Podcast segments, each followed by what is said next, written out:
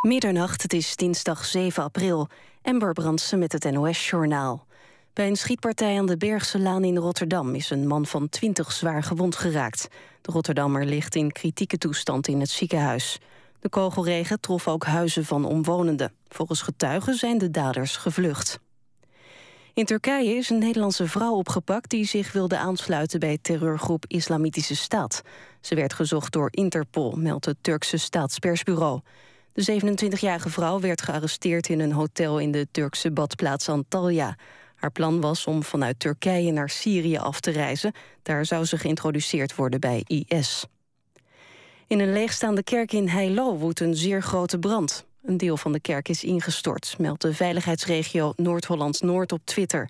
De kerk staat in een woonwijk. Er zijn geen mensen geëvacueerd. Wel klagen volgens de regionale omroep RTV-NH... veel omwonenden over rookoverlast. Voor zover bekend zijn er geen gewonden.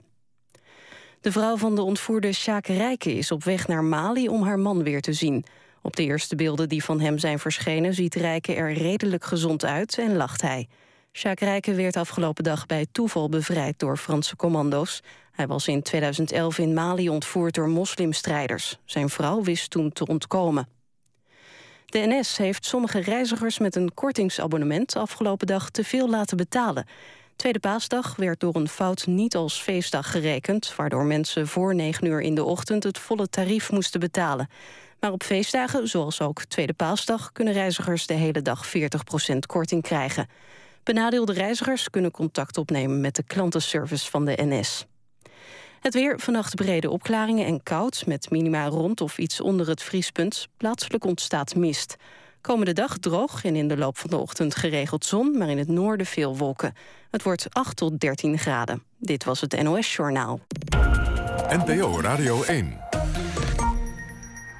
VPRO. Nooit meer slapen.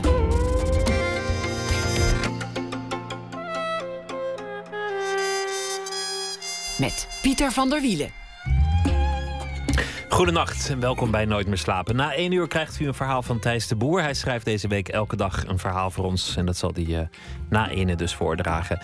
Ook een gesprek met uh, jazzdrummer uh, John Engels. Hij wordt binnenkort 80, maar doet nog steeds niet rustig aan. Hij viert zijn verjaardag met een uitgebreide tournee. Allereerst Teu Boermans. Zones is de titel van het stuk dat binnenkort te zien zal zijn, gespeeld door het Nationaal Toneel. geschreven door uh, Hendrik Ibsen. Toen die Ibsen dat stuk schreef, was hij 64. En misschien daarom dat er vragen inspelen als de vervlogen tijd. Heb ik het wel goed gedaan? Was het allemaal genoeg? Moet ik het niet overlaten aan de nieuwe generatie? Doe ik er eigenlijk nog wat toe? Teu Boermans is de regisseur van het stuk en werd afgelopen januari 65. Hij blijft regisseren, meer dan ooit, maar treedt heel langzaamaan wel terug als artistiek leider van het Nationaal Toneel. Boermans groeide op in Venlo. Na enige twijfel uh, kwam hij terecht op de toneelacademie. Werd regisseur voor uh, de Trust, later de theatercompagnie. Maar sinds vorig jaar bijvoorbeeld ook voor het uh, stuk Anne... waarvoor speciaal een gebouw werd gemaakt in Amsterdam. Eerder ook Soldaat van Oranje op de voormalige vliegbasis... in Valkenburg, Zuid-Holland. Ook de televisieserie De Prooi over ABN AMRO heeft hij geregisseerd. En hij kan acteren in verschillende stukken en films. En hij schijnt zelfs nog goed te kunnen zingen. Nou, Genoeg uh, lof, Teu Boermans, hartelijk welkom. Oh, dankjewel. 65, komen dan dat soort vragen? Heb ik het wel goed gedaan? Was het wel genoeg? Doe ik er nog wat toe? nou, niet direct uh, in dit geval bij, bij, uh, bij bouwmeester Solnes wel... maar bij mij is dat nog niet zo aan de orde. Ik, je, je begint natuurlijk wel lichtelijk te reflecteren... van wat heb ik nou gedaan. Maar het is nog niet zo dat de energie op is... en dat ik nog lang niet klaar ben met datgene wat ik zou willen doen. Maar het is toch een getal waar, waar van alles aan vasthangt. Ook, ook wettelijk, nou ja, voor de, voor de, voor de oude generatie dan... Hè, want het wordt alweer 67 maar ik kan me voorstellen 65 dat je toch denkt... Goh, ja, maar dat, dat, dat gaat dan, dan, dan, denk, dan reflecteer je toch meer op carrières of loopbanen. En dat heb ik niet zo. Ik, ik, eh, ik, iedere, ieder, uh, iedere voorstelling, iedere keer dat ik opnieuw in het repetitielokaal duik... begin ik weer helemaal opnieuw. En dat, dat, ja, dat zal zo wel blijven. Ik kan me niet voorstellen dat ik, uh, dat ik ooit het moederhoofd te rusten leg. Um, het is wel zo dat je natuurlijk kijkt, steeds zuiniger wordt op je keuzes. En steeds sorry, steeds meer gaat nadenken... Ehm, waar ga ik mijn, uh, mijn tijd aan besteden? Wat, wat vind ik nog interessant? Wat, of wat heb ik al gedaan? En uh, laat ik oppassen dat ik mezelf niet herhaal. Daar, ga je wel steeds, daar word je steeds alerter op. Was er ooit een plan? Nee, er is nooit een plan geweest. Nee, nee want, want als, als, als ik zie wat je allemaal hebt gedaan... en die lijst is onvoorstelbaar lang... dan, dan lijkt het alle kanten op te schieten.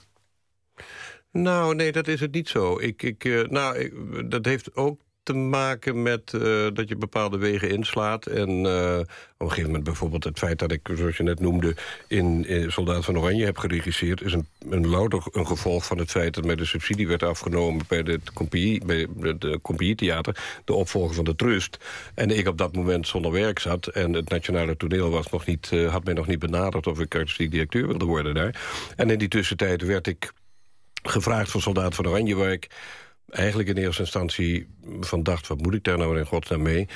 Totdat ik het boek opnieuw gelezen had... en ik de mogelijkheid kreeg om iets uit te proberen wat ik al jarenlang in mijn hoofd had... wat ik al eigenlijk al 30 jaar van tevoren eh, daarvoor had geprobeerd... namelijk het publiek op een draaiende uh, schijf uh, te zetten en tribune te zetten... en de mogelijkheid creëren om, om sneller te monteren... en dus dat verhaal te vertellen daarnaast dat er me iets in dat boek toch aantrok... wat niet in de film zit, uh, uh, wat me fascineerde... wat ik belangrijk vond om te doen.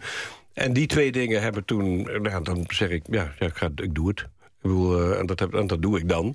En, um... Maar ook acteren, dat, dat komt dan ook op je pad in, in, in verschillende films. Zus en zo bijvoorbeeld, of, maar ik kan er veel meer noemen ja, maar dat, dat, ook dat. Ik ben begonnen als acteur. Ik heb eerst twaalf jaar lang bij het Zuidelijk Toneel Globe... onder artistiek directeurschap van Gerard-Jan Reinders... Uh, de, ben ik de hele provincie doorgetrokken in het land... en heb daar toneelrollen gespeeld. Uh, daarna ben ik mijn eigen gezelschap begonnen... en ben ik gaan regisseren. En het feit dat ik sporadisch af en toe nog wel eens in films optreed... de titel die je net noemt, Zus en Zo... is toevallig omdat mijn toenmalige echtgenote Paula, Paula van der Oest... ja. mij vroeg voor die rol... Maar het is niet zo dat ik daar naar op zoek ga. Dan word ik daarvoor benaderd. Kortom, nog geen, nog geen moment om terug te blikken. Dus hier, nee, hier zit niet ik, iemand ben, die... Ik, ik, ik, daar ben ik nog... Nee, daar ben ik nog niet aan toe. Het is... Het is um, um, kijk, bij Bouwmeester Sol dus is dat wat anders. Daar, daar, die zit eigenlijk ook niet in een... Het stuk wordt altijd een beetje uh, afgedaan... Uh, alsof het een man is in een midlife crisis, maar dat is absoluut niet het geval. Hij heeft energie genoeg. Hij um, heeft uh, uh, veel gedaan. Hij heeft veel uh, kerken gebouwd. nadat hij zijn, zoontjes is verloren bij een brand... heeft hij besloten om nooit meer kerken te bouwen... en heeft, heeft, heeft vanaf dat moment alleen maar, maar huizen voor mensen gebouwd... in de hoop dat mensen daar gelukkig in konden worden. Daar is hij vervolgens achter gekomen dat dat ook niet lukt. En zit in een crisis dat het allemaal niets heeft opgeleverd. Maar dat hij nog boordevol energie zit om dingen te doen. En, maar dat de kunst de werkelijkheid niet verandert. En daar, uh, of in dit geval hetgene wat hij doet... de werkelijkheid niet verandert. En daar leidt hij voornamelijk aan. En komt dan een jong meisje tegen die eigenlijk aan het begin van haar leven staat... en datzelfde gevoel heeft. En daar ontstaat een zo'n zielsverwantschap... Um, dus dat, dat stuk is veel gelaagder en gaat veel dieper en verder... Dan, dan gewoon een midlife-crisis. Dan een midlife-crisis van een man van 65 die op een jong meisje van 22 Het is gewoon een man die, die door de zinloosheid van, van, zijn, van zijn levensloop Daar wordt, hij door ingehaald. Omdat hij ook veel verliezen heeft gehad. En hij wordt niet zo, zo eh, eh, fysiek eh, verliefd op, de, op, het, op, op dat jonge meisje... maar hij wordt verliefd op de kracht en de jeugd en de toekomst die ze nog heeft. En hoopt in een, een liaison met haar ook nog een nieuwe toekomst... en nieuwe inspiratie te kunnen gelden. Iets van die, iets van die jeugd te parasiteren. Nou, ik, ik denk dat nou, kom, niet zozeer te parasiteren. Het, is zo, uh, uh, het, het, het, komt vaker voor. Is, um, Ibsen heeft het gebaseerd op een eigen ervaring. dat hij op die leeftijd inderdaad een meisje in een vakantie ooit tegenkwam. En wat me zo fascineert is dat bijvoorbeeld een, een dichter als Goethe... Het, hetzelfde ettelijke malen is overkomen. Toen hij 60, 70 en 80 was zelfs. Uh, totdat de, omgeving uh, zo langzamerhand zich zorgen begon te maken. Maar dat heeft dan met een kunstenaar, met een kunstenaar heel erg uh, te maken... dat je geestelijk nog hartstikke jong bent... en fysiek ben je misschien wel het aftakelen... maar er is, je, kan niet, je kan niet ophouden als kunstenaar. Je kan niet met pensioen als kunstenaar. Want je moet telkens weer stappen zetten... zodat het grond wordt. Ja, er zijn veel discussies over. Hè? Moet je een, jongere vriendin nemen of juist niet? Ja, iemand komt ook op je pad of niet. Het is ook niet zo'n uh, keuze alsof je een auto koopt... maar, maar houdt het je jonger of, of maakt het je ouder? Een, eh, een jonger iemand nou, aan je zijde. natuurlijk. Dat is, uh, dat is de, paradox van het geheel. Aan de ene kant, het ligt natuurlijk ook wie je bent... en hoe je in het leven staat. En ik bedoel, een relatie met, met, een, met een, een 30 jaar jonger iemand... is natuurlijk erg afhankelijk van hoe, hoe, hoe jong is hij geestelijk... en hoe, hoe, hoe oud is hij geestelijk en hoe jong is hij nog. En elke relatie is nog steeds anders natuurlijk. natuurlijk, ja. ja. Waarover later uh, um, misschien meer, maar laten we teruggaan naar het begin. Een, een, Limburger ben je voor altijd, maar, maar je werd geboren op de eilanden. Ja, ik ben geboren in Curaçao. Ja? Uh, mijn ouders waren daar uh, naartoe geëmigreerd na de oorlog. Omdat de, mijn vader zat in het onderwijs en hier was weinig werk. Dat was een van de redenen. Maar de andere reden was ook dat hij eigenlijk niet deed wat hij graag had willen doen. Hij had eigenlijk heel graag willen doen wat ik doe. Ehm, hij, speelde toneel vroeger ook, maar hij is vrij vroeg zijn ouders verloren... en kon uh, vanwege de oorlog ook, dat was net de periode... dat hij naar bijvoorbeeld de toneelschool had gemoeten. Maar dat was niet voor hem weggelegd, want uh, hij moest geld verdienen... voor zijn broers en zus, zussen, die ook allemaal bij pleegouders waren ondergebracht. En, um, dus na de oorlog, en in de oorlog is hij getrouwd met mijn moeder. Ze hebben een kind verloren in de oorlog... en daarna uh, nog twee kinderen gekregen. En toen was het te laat om dat alsnog de hand te nemen... zeker in een stad als Venlo. Maar hij had eigenlijk altijd die ambitie ja, gehad? Hij, heeft altijd, hij wat vroeger... Uh, um, hij schreef en hij speelde in revues, uh, semi-professioneel allemaal. Hij was ook... hij deed van alles. Maar, ik heb zelfs een, een fragment van een, een, liedje... dat hij volgens mij geschreven heeft. Och, was ik maar bij moeder thuis gebleven. Was ik maar Och,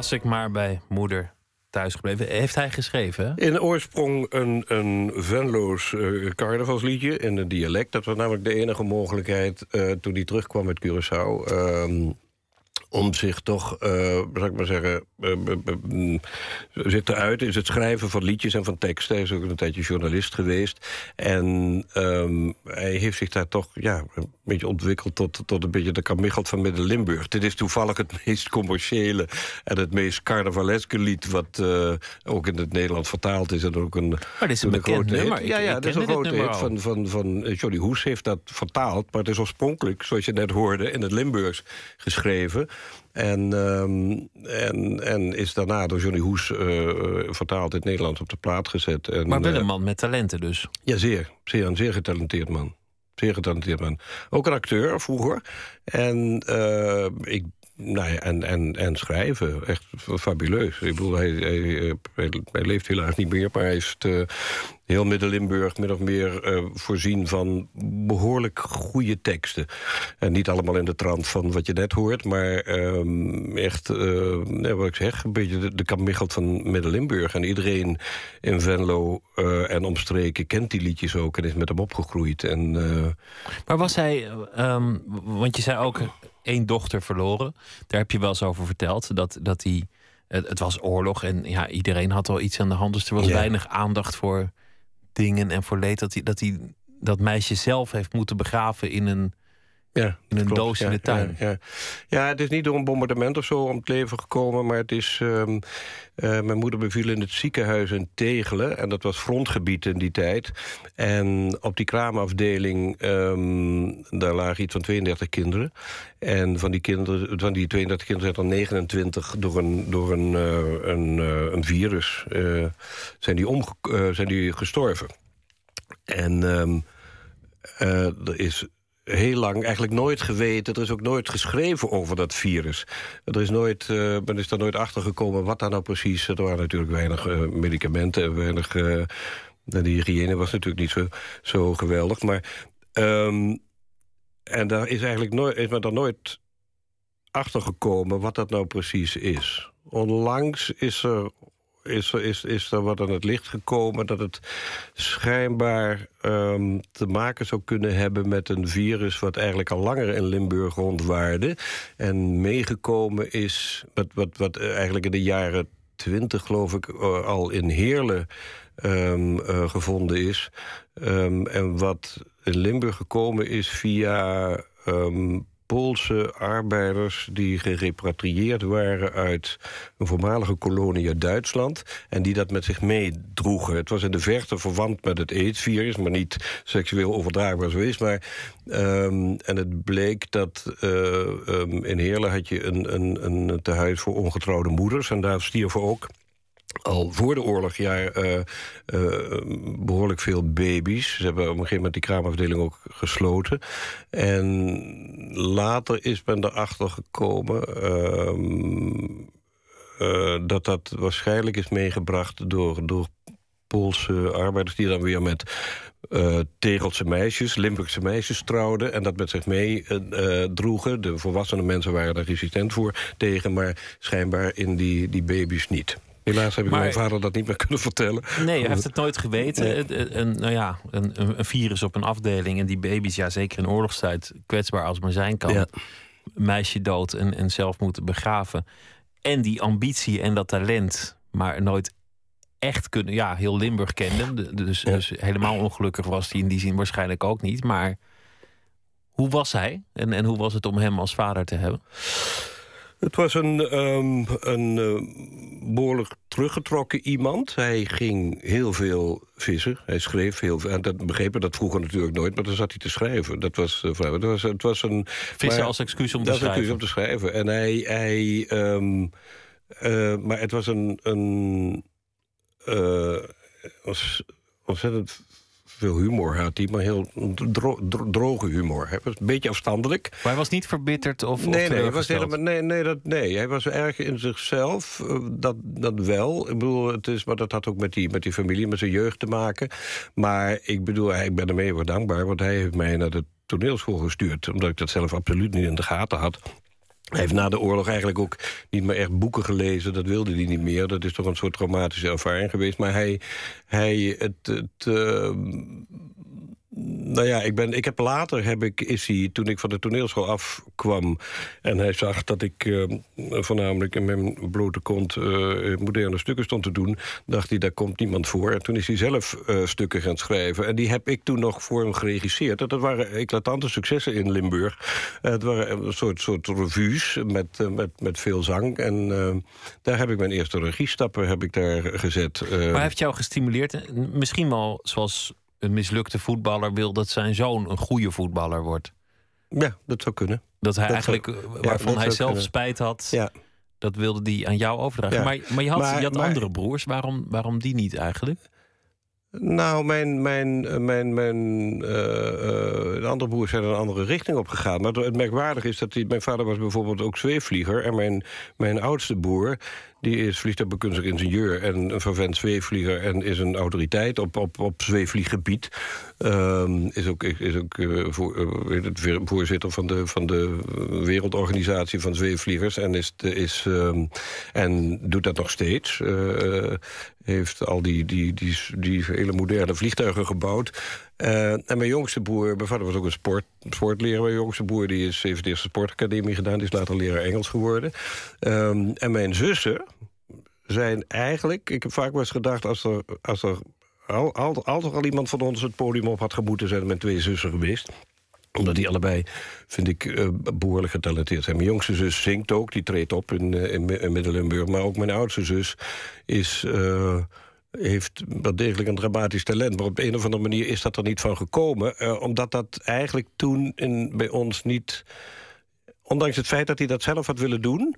is het nooit zo uh, dat hij dat die ons die richting opgestuurd heeft. Behalve toen er met mij geen land meer te bezeilen was... en geen, geen enkele andere mogelijkheid meer was. Toen had, dacht hij, nou, misschien is dat dan wat voor hem. Ik het, weet klinkt, niet het klinkt bijna als, als in, in, in, in vroeger tijden... eentje voor de kerk, eentje voor het leger en, en ja, eentje voor nou ja, het, maar nee, bij mij was het echt zo... omdat er, dat ik uh, in, in, die zin nee, een buitenbeentje... ik was een behoorlijk lastig kind, behoorlijk uh, recalcitrant... en behoorlijk moeilijk in die provincie, omdat ik toch erg bevangen werd op dat moment van is dit alles wat er is. Dus was ik, ook die uh, tijd, want je, ja, je was de, de, de jaren precies, 60. Uh, 60 ook. En, ik, en, en, en, en Venlo werd al gauw te klein. Dus, uh, en ik wist echt niet wat ik wilde. Ik wist echt niet, ik bedoel, ik, ik deed moeilijk op de middelbare school, internaat gezeten. En, en um, ja, leefde voornamelijk in mijn, in mijn verbeelding. Tenminste, dat moet hij dan ergens gezien hebben. Maar hoe is het je vader dan gelukt om je naar de toneelacademie nou, te schoppen? Ja, dat is wat ik had nooit, nog nooit een toneelstuk gezien voordat ik naar de toneelschool ging. Alleen, maar je gehoorzaamde toch ineens? Nee, hij, nou, hij, hij, had, hij heeft mij opgegeven daar voor de, voor de oriënteringscursus. En dat was voor mij de zoveelste instantie waar ik naartoe moest. En dat heb ik toen gedaan. En toen zat ik op de oriënteringscursus. En ik, ik geloof wel dat hij met de toenmalige uh, directrice had uh, gezegd... van nou ja, hou, kijk er maar naar, ik, ik weet het ook niet. En tijdens die oriënteringscursus, dat was een week les...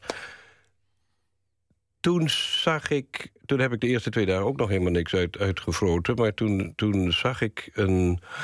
Uh, toen deed iemand, ik heb van die elementaire opdrachten, van die elementaire oefeningen. Van, uh, ik herinner me nog dat, dat uh, en ik deed niet mee. Ik liet dat anderen doen, want ik had zoiets ik, zit, ik zit hier en ik, ik zet die tijd wel uit en ik zie het wel. En toen toen kreeg iemand een opdracht dat hij een elementaire oefening... dat hij aan, aan, de rand van een beek zat te vissen... en dat er iemand, zijn baas, langskwam. Um, en die wilde over promotie praten, maar... Uh, er zat een hele dikke snoek in de buurt van de, uh, van, van, van, de, van, de, hoe heet het, van, van, van, van het aas. En het dilemma dan om dat je met die man moet praten, maar ook niet, maar ook die snoek wil vangen. Zo die, die, dat, dat dilemma, dat moest gespeeld worden. Dat deed iemand. En ik zag dat en toen sprak het plotseling uit mij... dat is niet goed. En toen keek iedereen om en toen kreeg, werd er een enorme druk op me gelegd... dat ik het zelf moest doen. Uh, dan doe het dan eens voor, hoe moet het dan? En zo, ik zeg, nou, uh, nee, doe het dan. En toen heb ik dat gedaan en toen ging dat goed. En toen, ik weet nog eens de dag van gisteren... dat alles binnenste buiten draaide. Dat ik dacht, plotseling dacht, oh, dat is toneelspelen. Oh, dat, oh nee, ja, en je dacht, goh, hier ben ik goed in. En ja, dit vind dat, ik leuk. En toen, en toen, en toen, toen werd ik... Uh, nou ja, toen duurde het toch nog even om de, de, de, discipline te vinden... om die opleiding ook elke ochtend op die opleiding te verschijnen. Maar hoe meer ik daarin kreeg, hoe meer dat ik uh, merkte dat ik... Dat ik dit, dit is wat ik wil. Dus je vader heeft je een, een, een, nou ja, een goede tik en goede richting ja. gegeven. Ja, en, absoluut. Ja. Leeft je moeder nog? Ja, mijn moeder leeft nog. Die zit in een verzorgingstehuis. Die is nu... In Limburg? 96, ja. Die bezoek ik elke zondag. Mijn uh, broers en zussen wonen allemaal nog in Venlo... en die nemen daar de hoofdtaak op dus, zich. Dus eigenlijk ben je nog, nog best stevig geankerd in, in Limburg? Ja, ik bedoel, dat, dat, dat, dat gezin is, is een behoorlijk hecht gezin. Dat, uh, dat merk ik wel. Ik bedoel, dat ondanks... Uh, ja, ik ben geloof ik de enige die echt, echt het, het meeste eruit getrokken is. Maar ik, ja, dat is zo. Dat klopt. Dat is zo. Dat is... Um, als ik zie hoe ze nu ook allemaal uh, mijn moeder verzorgen... en er elke dag naartoe gaan en zo, ze, ze dementeert. En, en uh, ja, dat is zo. Ja, klopt. En hebben beide ouders jouw succes nog meegemaakt? Zijn ze, zijn ze nog bezig ja, kijken? Ja, ja uh, mijn vader heeft, geloof ik... nou ja, de laatste voorstellingen... dat was nog in het compagnietheater, Hamlet, et cetera. Maar daar heb ik heb ik echt het meeste zelf mee gewerkt... aan die, aan die revues die hij geschreven had. En, en, en um, daar, ja, daar hebben we tot, aan, tot op, op zijn sterfbed... Hebben, hij zijn laatste, zijn laatste uh, stuk nog geschreven. En daar hebben we nog over uh, uh, gestoeid, et cetera. Die heeft helaas die première niet mee kunnen maken... maar um, die andere daarvoor wel. En dat, dat was een merkwaardige ervaring, omdat het was een man op afstand, behalve in het repetitielokaal. Als we met elkaar waren, dan was het, waren het collega's. Maar zo gauw als we het repetitielokaal uit, uitstapten... dan was het weer een soort... dan konden we uh, urenlang zwijgend met de, met de hond door het bos wandelen... en dan kwam er geen woord uit. En... Uh, Of hooguit van nou, het tweede bedrijf, derde acte moeten we in schrappen, geloof ik. Zo dat. voor de rest, dan bleef die afstand. En het repetitielokaal was dat totaal anders. Toen zag ik ook waarschijnlijk weer iets van de man die die vroeger voor de oorlog is geweest... toen hij zelf nog speelde. Want in Venlo had je een behoorlijk goede, hoorde ik later... Uh, uh, semi-professionele revuegezelschap... Dus waar hij voor schreef en waar hij voor speelde. Dan leerde je hem pas echt kennen. Ja, ja, ja. We gaan luisteren naar um, muziek van Willie Hightower... Uitgekozen door uh, Lotje IJzermans, die uh, de muziek verzamelt voor dit programma. 75 jaar uh, oud is hij inmiddels. Zijn hoogtijdagen beleefde hij in de jaren 60. Maar in 2005 verscheen een compilatie van zijn mooiste nummers. Time has brought about a change.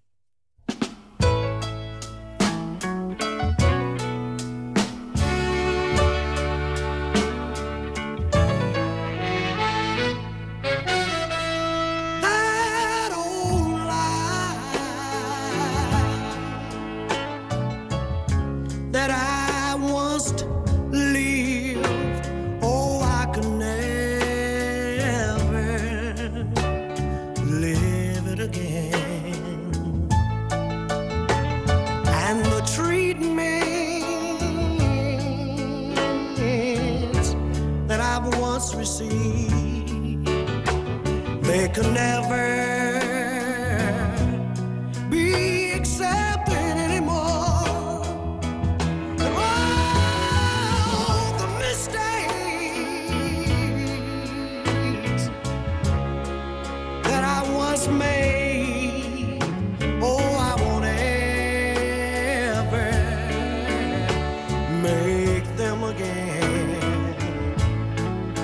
because I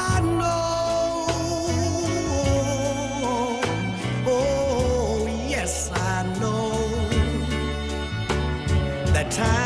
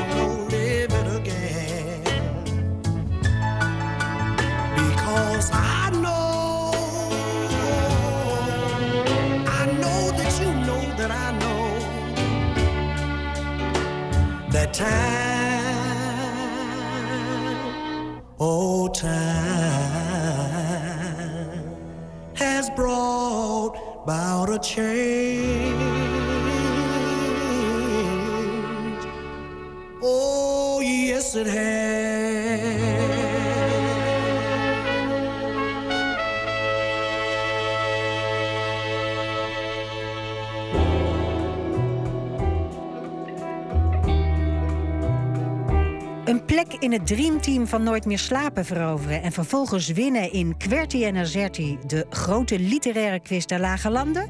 Daarvoor moet u eerst een korte voorrondequiz op onze website spelen. De twee beste deelnemers bemachtigen een plaats in het Nooit meer slapen Dreamteam... dat verder bestaat uit schrijver Peter Buwalda en onze eigen Pieter van der Wielen. Kijk voor meer informatie op vpro.nl slash boekenquiz. God, ja, een boekenquiz. Waar ben ik aan begonnen? Ja, dat wordt, eh, dat wordt. Ik heb gelukkig Peter Buwalda mee.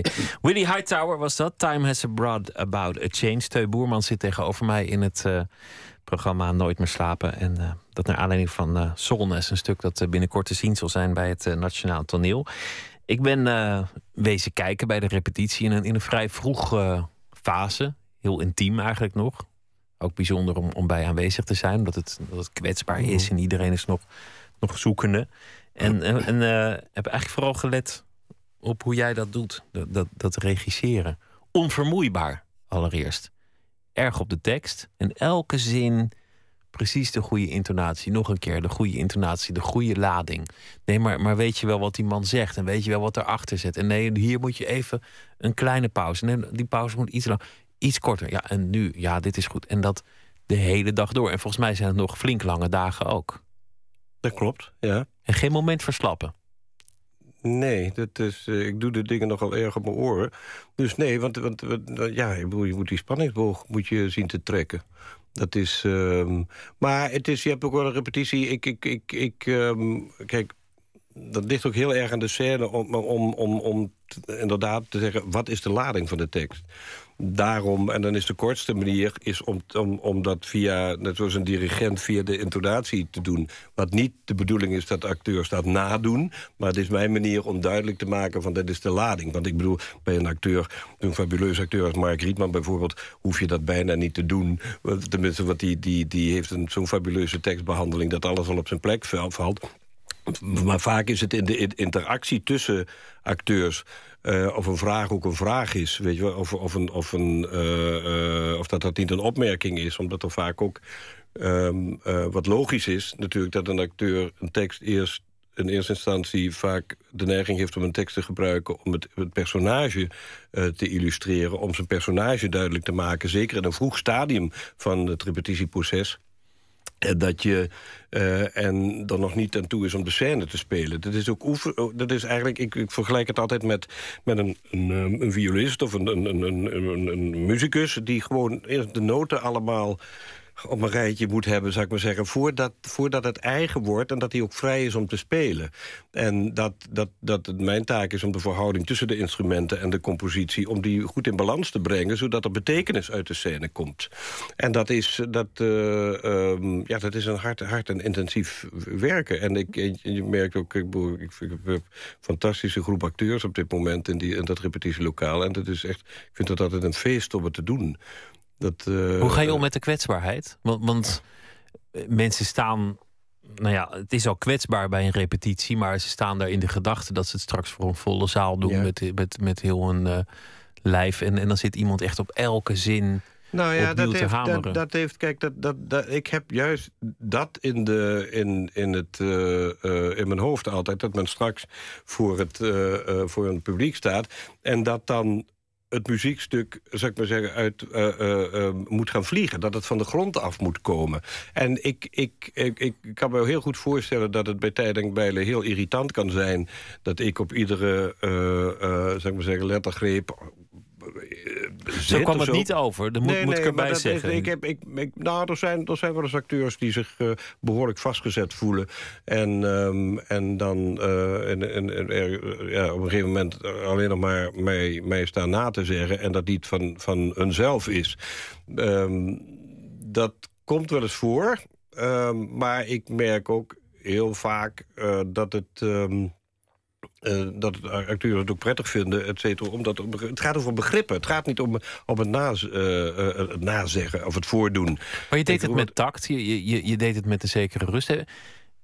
Heb je wel eens te maken met ego's?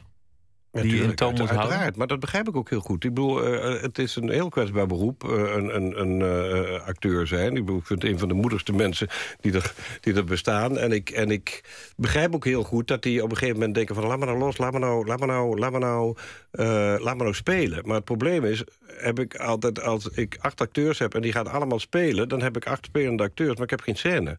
Dus het gaat, het, het gaat mij altijd... En, maar dat is natuurlijk, zijn er vele wegen naar Rome... Um, maar ik zie het ook vaak op het toneel. Ik zie ook vaak op het toneel dat acteurs zich heel vrij voelen... en dat je veel acteur ziet, maar weinig personage. Dat je um, um, uh, veel ego ziet, zou ik maar zeggen, maar weinig scène. En Kortom, altijd de tekst. Altijd, dat ja, is nou, voor jou... Nee, de auteur is belangrijk. Het stuk is belangrijk. En dat is als een muziekstuk... Waarin, kijk, muzici gaan ook niet uh, uh, zomaar in het wilde weg hun eigen partijen spelen, et cetera. Met jazzmuziek muziek heb je dat. Maar als je een stuk als Ibsen hebt, dat is zo doorgecomponeerd... Uh, dat je dat niet als jazz kunt spelen. Je, moet, je kan het pas als jazz spelen op het moment dat je dat helemaal... dat iedere betekenis en alles verwijst in zo'n... zeker in die, dat soort naturalistische stukken als, als Ibsen of Chekhov... daar verwijst iedere zin naar, naar zichzelf naar het hele uh, kunstwerk. Het hele bouwwerk van betekenissen. Kortom, als een dirigent of, of een concertmeester... Nou, trouwens, uh, Miles Davis, je had moeten horen hoe die tegen zijn muzikanten tekeer ging na een repetitie. Ja, dus het gaat om die betekenis naar, naar, boven, naar, naar, naar, boven te halen. En ik merk gewoon, als je, als je dat soort goede acteurs hebt... die ik, die ik, um, um, die ik bijvoorbeeld nu heb het is de snelste weg, zal ik maar zeggen... om, om echt ook tot de onderlaag te komen van het, uh, van het stuk. Ik, ik, probeer samen met ze te zoeken van wat is de betekenis die eronder zit. Waar komt het uit voort? Waar komt het... Uh, bij andere stukken kan ik bijvoorbeeld meer vrijheid laten. Maar toneel gaat in eerste instantie, wat mij betreft... en dat geldt niet voor iedereen, over taal. En uh, ik communiceer met die acteurs op die partituur, op die taal die daar ligt. En natuurlijk kan je zeggen van ja, iedere zin kan je honderdduizend keer zeggen. Toch is, als je naar een stuk kijkt en je haalt de onderliggende... Uh, uh, je, zoekt, je gaat op weg naar de onderliggende betekenis. Waarom zegt iemand dat? Waar komt dat uit voort? Waar, en waar heeft hij het al eerder gezegd en waar refereert hij uh, aan... dan merk je dat dat allemaal naar elkaar verwijst. En acteurs zijn intelligente mensen. Dus die willen ook weten waar de, waar de betekenis is. Maar je zei eerder, uh, uh, Solnes uh, gaat over een man die erachter komt... Dat, dat eigenlijk de relevantie van wat hij gedaan heeft wel, wel meeviel. Hoe zit dat met, met het toneel? Want er lijkt in jouw werk eigenlijk altijd wel een soort drang te zijn... om, om een soort maatschappelijke relevantie te zoeken... om, om het naar het heden te verplaatsen, om, om iets in de actualiteit te zoeken. Niet zoals een journalist dat zou doen. Zo van, god, dit past leuk bij de crisis. Maar toch wel om het voor het publiek nu geldig te laten zijn... wat er op het, op het podium gebeurt. Hmm. En ik heb ook de indruk dat dat bij het Nationaal Toneel steeds meer toch wel het plan wordt. Ja. Om, om dat te nou, Ik, kijk, ik vind het um, uh, van belang... Zeker. Sorry, als je als nationale toneel is het ons opdracht enerzijds uh, sowieso moet een gezelschap altijd in de actualiteit. Dat is ook het voordeel wat toneel heeft tegenover andere kunsten... is dat het uh, levend is en altijd opnieuw ge geïnterpreteerd kan worden.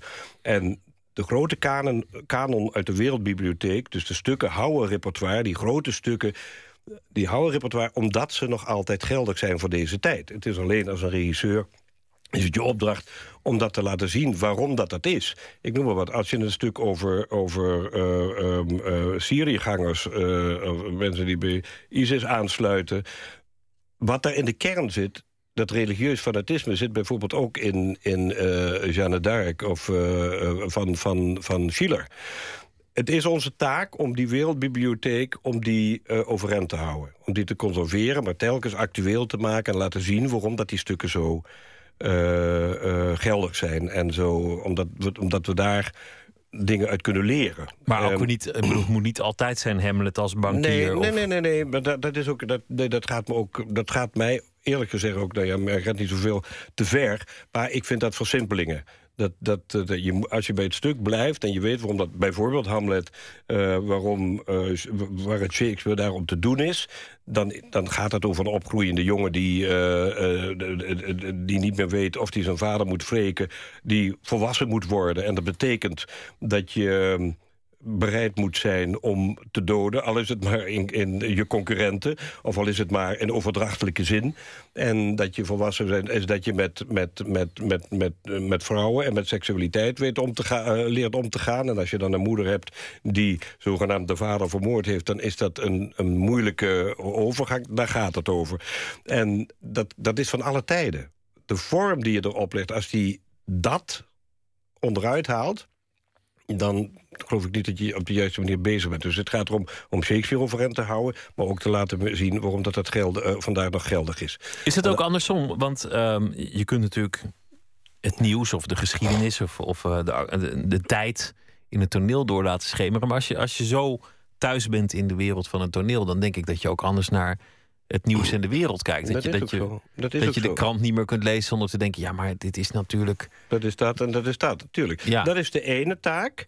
De andere taak eh, is, en dat is nu, dat, dat, die, die wordt nu met de komst van Erik de Vroet, wordt die ook eh, Want die wordt, uitgebouwd. die wordt de nieuwe artistiek leider wordt- van het Nationaal ja, Toneel. die wordt, die wordt eh, ehm, ehm, halverwege het volgende kunstenplan geef ik de sleutel aan hem. Ehm, en die, die, ehm, die, is, die gaat direct op de actualiteit zitten. Dus die, die, die schrijft, en dat moet het toneel ook doen... die haalt problematieken direct uit de, samen, uit, uit de samenleving... en schrijft daar nu stukken voor. Ehm, dat heeft ook te maken met een ontwikkeling... die het toneel in Nederland heeft doorgemaakt. Ik bedoel, als je, als je bijvoorbeeld eh, naar Duitsland kijkt... daar is eigenlijk die, die, dat, al die theaters... die hebben voornamelijk die conserverende taak... en zoeken de actualiteit daarbinnen. Daar worden ook stukken geschreven, maar die staan dan allemaal in die traditie. Bij ons is het omdat wij eigenlijk die bibliotheek, niet onze, die, bibliotheek is eigenlijk een, een, een bibliotheek uit het buitenland. We hebben niet zo'n nationale toneelbibliotheek. Als je daarna, als je, dat is onze langs is, is, is de kanon van de Nederlandse toneelliteratuur is eh, samengesteld. En dan zie je dat dat. Ja, tot de middeleeuwen heb je, heb je, heb je Vondel, et cetera. En dan heb je heel lang niks. En dan heb je na de oorlog, krijg je dan nog krijg je weer nieuwe schrijvers. Eh, dat begint dan met Klaus en met eh, dingen. Maar daartussen, die hele eh, de periode van de verlichting... Die, waar in het buitenland het theater op gefundeerd is... zeker in Duitsland, Schiller en Goethe, Kleist, de Buchner, noem maar op... hebben wij allemaal niet. Dat, dat heeft ook met ons, het ontbreken van een hofcultuur te maken. Is het ook eh opgroeien in Limburg? Dat, dat, je, dat je misschien toch ook een klein beetje op het, eh laat ik zeggen, Rijnland eh, Ja, dat, gericht dat, dat bent? kan. Ja, mijn, ik, mijn grootmoeder was Duits, dus bij ons stond wel Schiller en, en, en, en Goethe in de, in de kast. En mijn, mijn eh, ehm, gro- grootmoeder dichtte ook, maar het was absoluut niet een, een, een elitair, literair milieu waar ik uit voortkwam. Het stond er wel. En ik neem aan dat mijn vader dat voor de oorlog ook gelezen heeft. Daarna heb ik het nooit meer uit de kast zien, zien, halen. Maar ehm, het, het, het, het, het, het, het is wel zo dat, je, dat ik daar veel van meegekregen heb. Eh, maar even, even, even om terug te keren daar. eh, dus die, die kanon hebben wij niet. Eh, alles wat wij spelen, dat is leentje buur bij, eh, bij onze buren... bij de Fransen, de Engelsen, de Duitsers. Wat het voordeel heeft, dat bij ons het toneel zich heeft kunnen ontwikkelen los van die ballast. En dan zie je dat, dat, dat bij ons, eh, op het moment dat de schrijver niet meer zo, zo centraal stond... is de regisseur gaan schrijven. Je hebt veel schrijvende regisseurs. Acteurs zijn gaan regisseren, veel collectieven. En dat heeft ook weer een hele nieuwe dynamiek gegeven in het geheel. En die zitten die hebben niet zo'n behoefte om en die, en die bi- toneelbibliotheek de grasduinen... om te kijken wat er nog actueel is. Maar die maken hun eigen materiaal en die schrijven hun eigen materiaal. En dat zit direct op de, op de, op de Op actualiteit. de actualiteit. Is het eh, artistiek leider eh, zijn? Hè? Want je bent regisseur, je bent acteur... En, en je grote passie is toch gewoon het maken van stukken. Dat lijkt me ook iets om horendol van te worden. Want je moet achter geld aan, je moet achter contracten aan... je moet ook de hele bureaucratie doen, je moet lobbyen, je moet slijmen... je moet pushen, traineren, noem maar op. Al die dingen die erbij komen.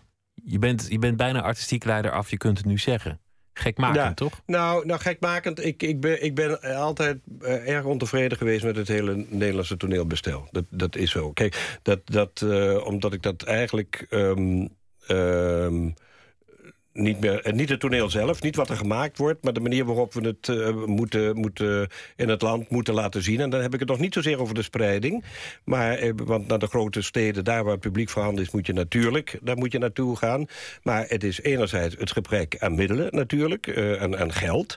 Ehm, eh, Maar elke, elke drie jaar opnieuw vechten voor, dat is, voor je subsidie. Dat, dat is bijvoorbeeld onzinnig, weet je. wel, Dat je elke vier jaar opnieuw een beleidsnota moet, eh, moet gaan, eh, gaan indienen... om je continuïteit te waarborgen in het werk. En met het kleine beschikbare geld dat we hebben... we- dan hebben we ook nog het, het befaamde peer review systeem... eh, dat de sector zichzelf eh, beoordeelt. Nou, dat was in de tijd toen we het geld nog moesten veroveren op de politiek... was dat van belang. Maar tegenwoordig eh, is dat de afgelopen jaren... heb ik het ervaren als een soort...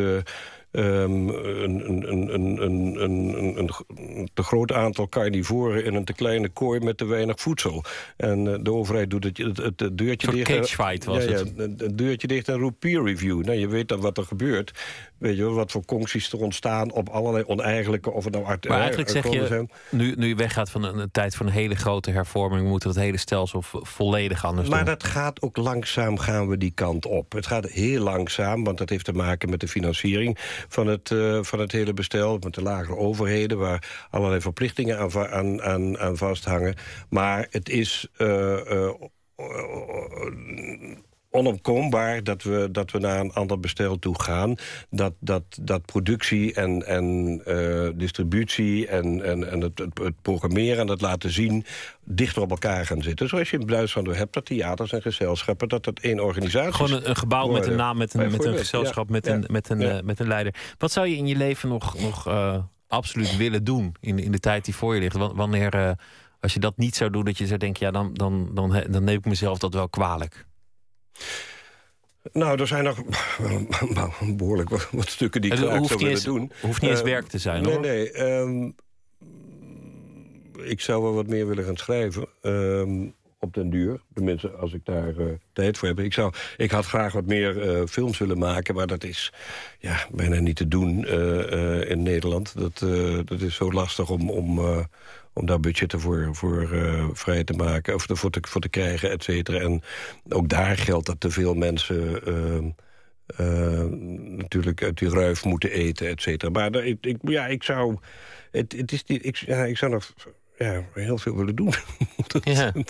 dat, en nou, dan hebben we het nog niet eens gehad over, over Soldaat van Oranje en, en Anne... wat natuurlijk hele bijzondere en voor jou ook, ook, ook andere projecten waren. Maar je had het eerder over je vader, die jou eigenlijk op een belangrijk moment in je leven een, een zet gaf. Van nou ja, het gaat mis met Teu, laat, laat, laat hem dan in godsnaam naar die toneelacademie gaan.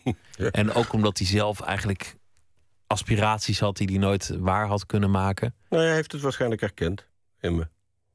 Je bent, je bent zelf vader van uh, meerdere kinderen, allemaal in, een, in vormende leeftijden, ja. mag ik wel zeggen. Ja. Denk je daaraan van, van goh, dat heeft mijn vader voor mij gedaan. Misschien kan ik dat ook voor hun doen. Nou, ik, uh, kijk, mijn, mijn, mijn oudste zoon is filmregisseur. En die, die, uh, die, die, die, die, doet het heel goed. Um, daar ben ik ook erg trots op. Mijn jongste zoon die is 18. Die begint nu zo zijn eerste schreden op het acteren te zetten. hoewel het voor hemzelf nog, geloof ik, nog niet duidelijk is of hij dat ook echt wil. Maar hij is aan het ruiken. Hij is aan, het dingen. En ik geloof ik, ik heb niet de neiging om, om, om hem te pushen. Dus ik, vind, ik, bemoei me er niet mee, of zo min mogelijk mee. Um, uh, ik ga hem ook niet opdringen, et cetera. Hij zal zijn eigen weg moeten zoeken. En als hij advies of raad nodig is, is hij natuurlijk van harte welkom. Ik hou het ook, natuurlijk hou je het ook wel op de ga uh, in, de gaten. Maar ik, als ik naar mezelf kijk, is het echt... Um, was het nou ja, de laatste mogelijkheid. Het heeft er altijd wel ingezeten. Maar het moest echt tot het gaatje gaan, wilde ik het ook doen. En dan werd het ook 200 procent. Um, en ik, ik, ja, de boer, ik denk dat dat bij hem ook moet gebeuren. Ik dat zegt eigenlijk dat, dat, dat jij zelf niet iets kunt... als, als er niet een zekere mate van uh, uh, passie voor is. Dat, ja, dat... dat klopt. Ja, dat is, dat is wel. En de, is, de afwas, dat, dat lukt dan wel? Jawel, daar heb je afwasmachines voor. Hè? Ja, ja. Dat, uh, ja, of maar bij wijze nee, van spreken. Nee, nee, nee, maar de passie is... is ik heb ook uh, jarenlang ben ik deeltijdvader geweest... en dat uh, uh, vond ik fantastisch. Ik bedoel, als ik het belangrijk vind... of ik dan... En, en ik, ik, ik zie het, het nut ervan in. Wat dat betreft begrijp ik Solders heel erg goed. Weet je wel, dat, dat uiteindelijk is het natuurlijk allemaal nutteloos... maar daar, daar, uh, dat maakt het des te belangrijker en interessanter om het te doen. Um, uh, maar het, het, ja, ik, moet het, ik, moet, ik moet wel... Ja, ik, ik, ik moet ervan kunnen leren. Ik moet er wat... Ik moet iets... Motto is altijd een beetje waar je stappen zet, wordt, wordt het grond. Ik moet, um, ik moet er wijzer uitkomen dan ik erin ben gegaan. Wat, wat gebeurt er als dat, als dat vastloopt? Als je, als je een tijd in een cirkel draait of, of nou ja, dingen Dan zoek doet. ik een uitweg. Dan, dan, dan, dan, dan loop ik eruit. Dan Hoe- ga hoe ik gaat anders dat? doen. Maar, maar loop je dan Nou, eerst zelf ja, vast? Of, eh, Nee hoor, nee, nee, nee, dat is toch... Kijk, ik, ik heb het, het geluk natuurlijk dat ik, dat ik alle, alle ehm, problemen of uh, conflicten of dilemma's... die ik in, het, uh, in mijn dagelijkse leven tegenkom... meteen om kan zetten in het repetitielokaal. Ik kan van alles materiaal maken en dat... En dat, is een, dat besef ik elke dag opnieuw. Dat is een groot geluk. Ik leer daar zoveel van, ook om naar mijzelf te kijken... en naar mijn eigen leven te kijken... Als het, en ook het leven van de mensen om me heen... als een toneelstuk waarin iedereen een rol speelt in een scenario... wat uh, aldoende geschreven wordt en waar het einde van onzeker is. Maar dat dus, en ik, kan, ik, ik, ik ben het gelukkigste in het repetitielokaal... omdat ik dan...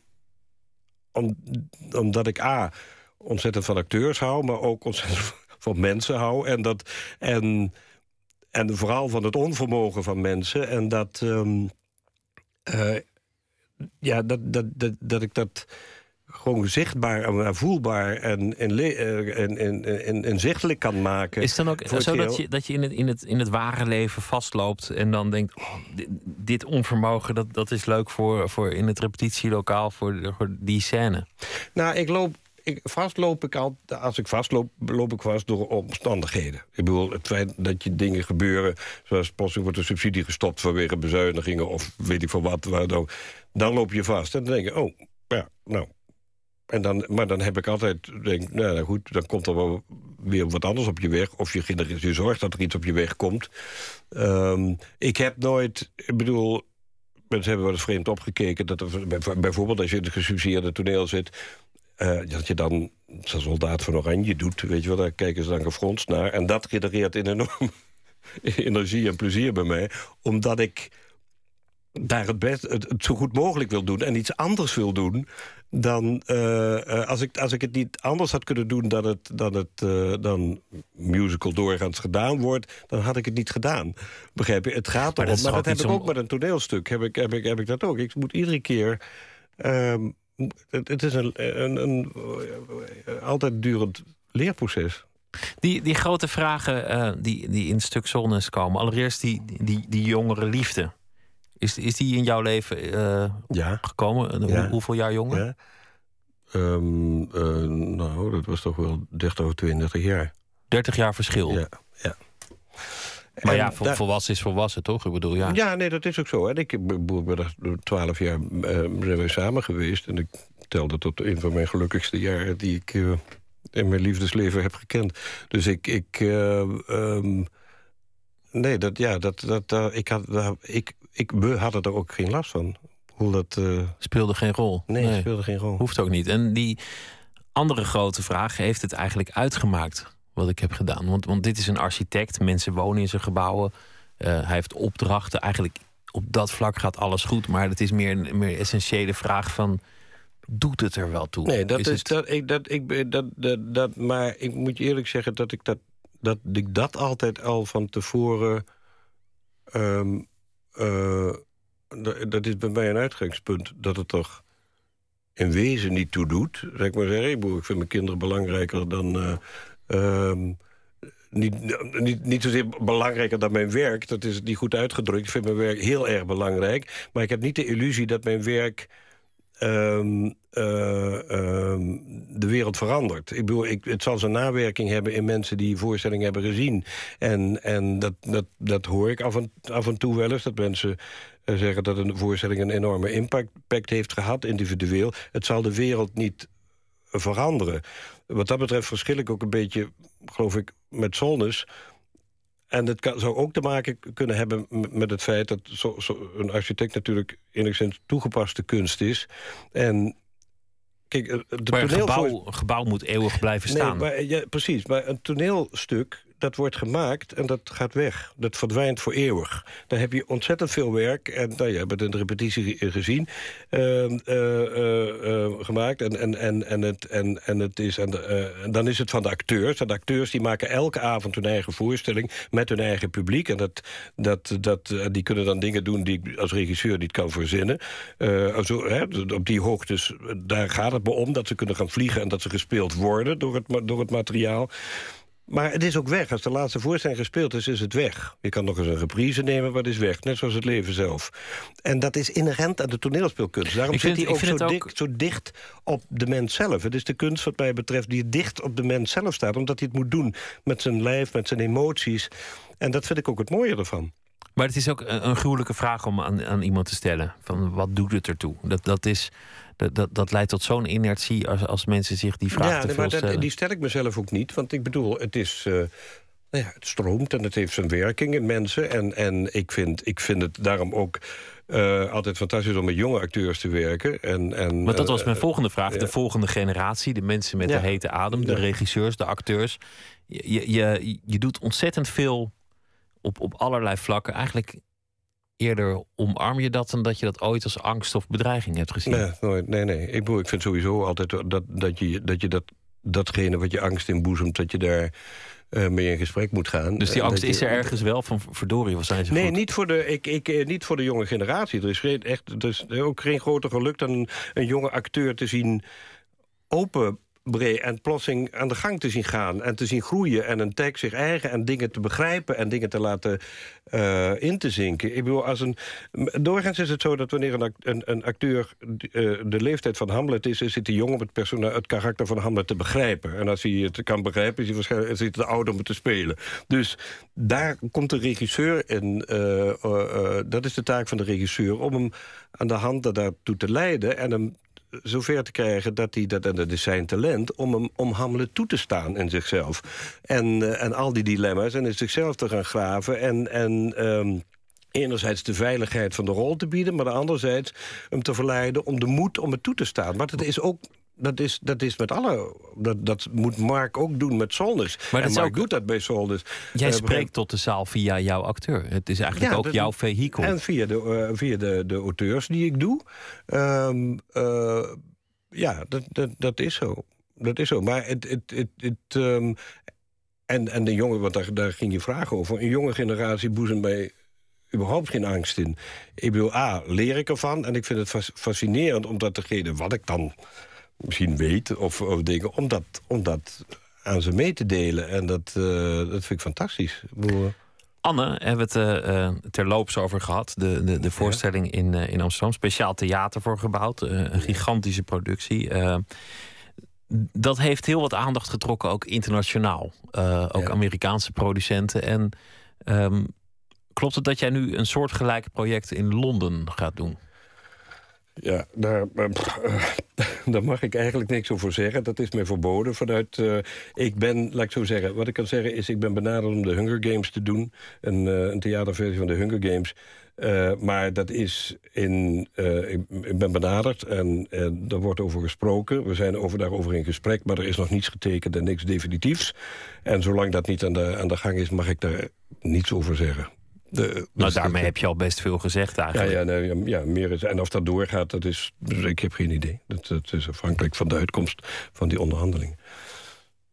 Kortom, je gaat, uh, je gaat hartstikke door tot, tot, je, tot je omdondert waarschijnlijk.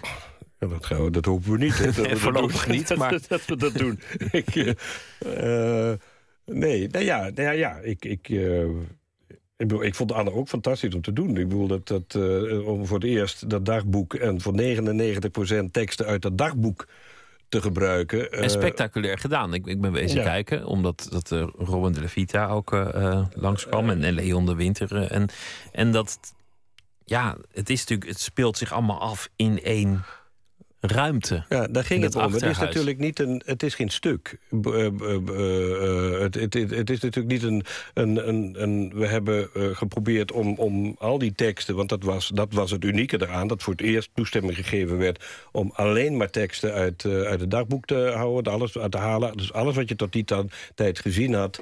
Uh, waren allemaal eigen teksten. Dus om dat te, te rearrangeren... Dat was het ene uitgangspunt. Het andere was dat ik heel graag wilde weten wat het betekent... om op, met zoveel mensen op zo weinig vierkante meter met elkaar om moeten, uh, te moeten doorbrengen, zo lang. Dat claustrofobische, dat, die, dat benauwende. En met een ADHD-meisje, die uh, een bijzonder meisje... maar die ook behoorlijk lastig was... en die reflecteert op zichzelf en volwassen moet worden in die omgeving. En dat allemaal te doen met haar eigen teksten. En dat, dat, ehm, dat, dat was de opgave. Dat, en dat, dat, dat vond ik fascinerend om te doen. En toch is het ook uh, groots en, en, spectaculair. En, en haar humor, die, die nog wel eens vergeten wordt, die kwam natuurlijk ook ja. mooi tot, tot uiting. Maar Zones is het volgende project. Te zien bij het Nationaal Toneel. Het duurt nog heel even voor het gaat beginnen. Voor drie weken gaat er een première. En dan gaat het ook op tournee langs alle hoeken van het... het het, gaat, ja, het speelt eerst in Amsterdam en dan na de zomer, begin van het volgende seizoen, reist het door het hele land. Ik wens jullie heel veel uh, succes daarbij. En dank dat je te gast uh, wilde zijn. Dank je wel. Dank je wel. Zometeen uh, gaan we verder in Nooit meer slapen. En dan krijgt u een verhaal van Thijs de Boer. Die deze week elke dag voor ons een verhaal schrijft. En dat na ene zal voordragen. Twitter, het VPRO NMS. Of via de mail nooitmeerslapen.vpro.nl.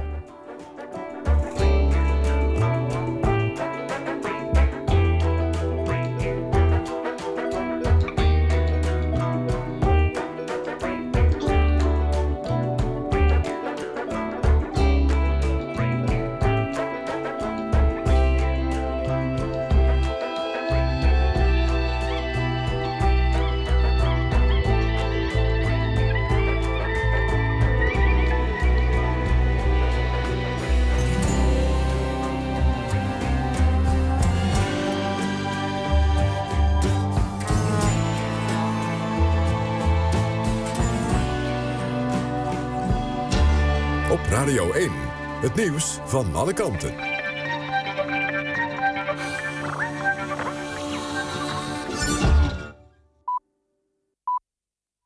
1 uur, Ember Brandsen met het NOS-journaal. In de regio Rotterdam zijn kort na elkaar twee schietpartijen geweest. In de Ridderkerk werd iemand aan het seringenplantsoen doodgeschoten. Volgens de politie zijn de daders op de vlucht geslagen. Eerder op de avond werd aan de Bergse Laan in Rotterdam... een man van 20 geraakt door één of meerdere kogels. De Rotterdammer ligt in kritieke toestand in het ziekenhuis. De kogelregen trof ook huizen van omwonenden. De politie heeft iemand aangehouden en zoekt uit of hij bij de zaak betrokken is. In Turkije is een Nederlandse vrouw opgepakt... die zich wilde aansluiten bij terreurgroep Islamitische Staat. Ze werd gezocht door Interpol, meldt het Turkse staatspersbureau. De 27-jarige vrouw werd gearresteerd in een hotel in de Turkse badplaats Antalya.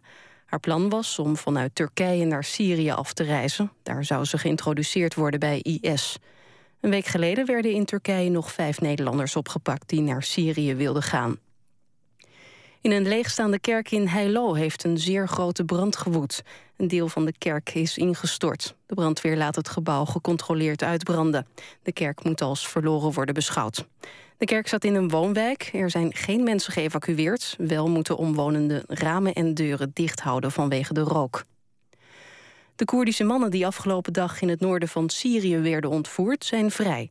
Al-Nusra, de Syrische tak van Al-Qaeda, heeft de groep vrijgelaten. Wat er precies gebeurd is en waarom de mannen zijn vrijgelaten is onbekend. Of het om 300 man ging, zoals eerder gemeld, is ook onduidelijk. Het weer, vannacht brede opklaringen en koud... met minima rond of iets onder het vriespunt. Plaatselijk ontstaat mist. Komende dag droog en in de loop van de ochtend geregeld zon... maar in het noorden veel wolken. Het wordt 8 tot 13 graden. Dit was het NOS Journaal. NPO Radio 1. VPRO. Nooit meer slapen.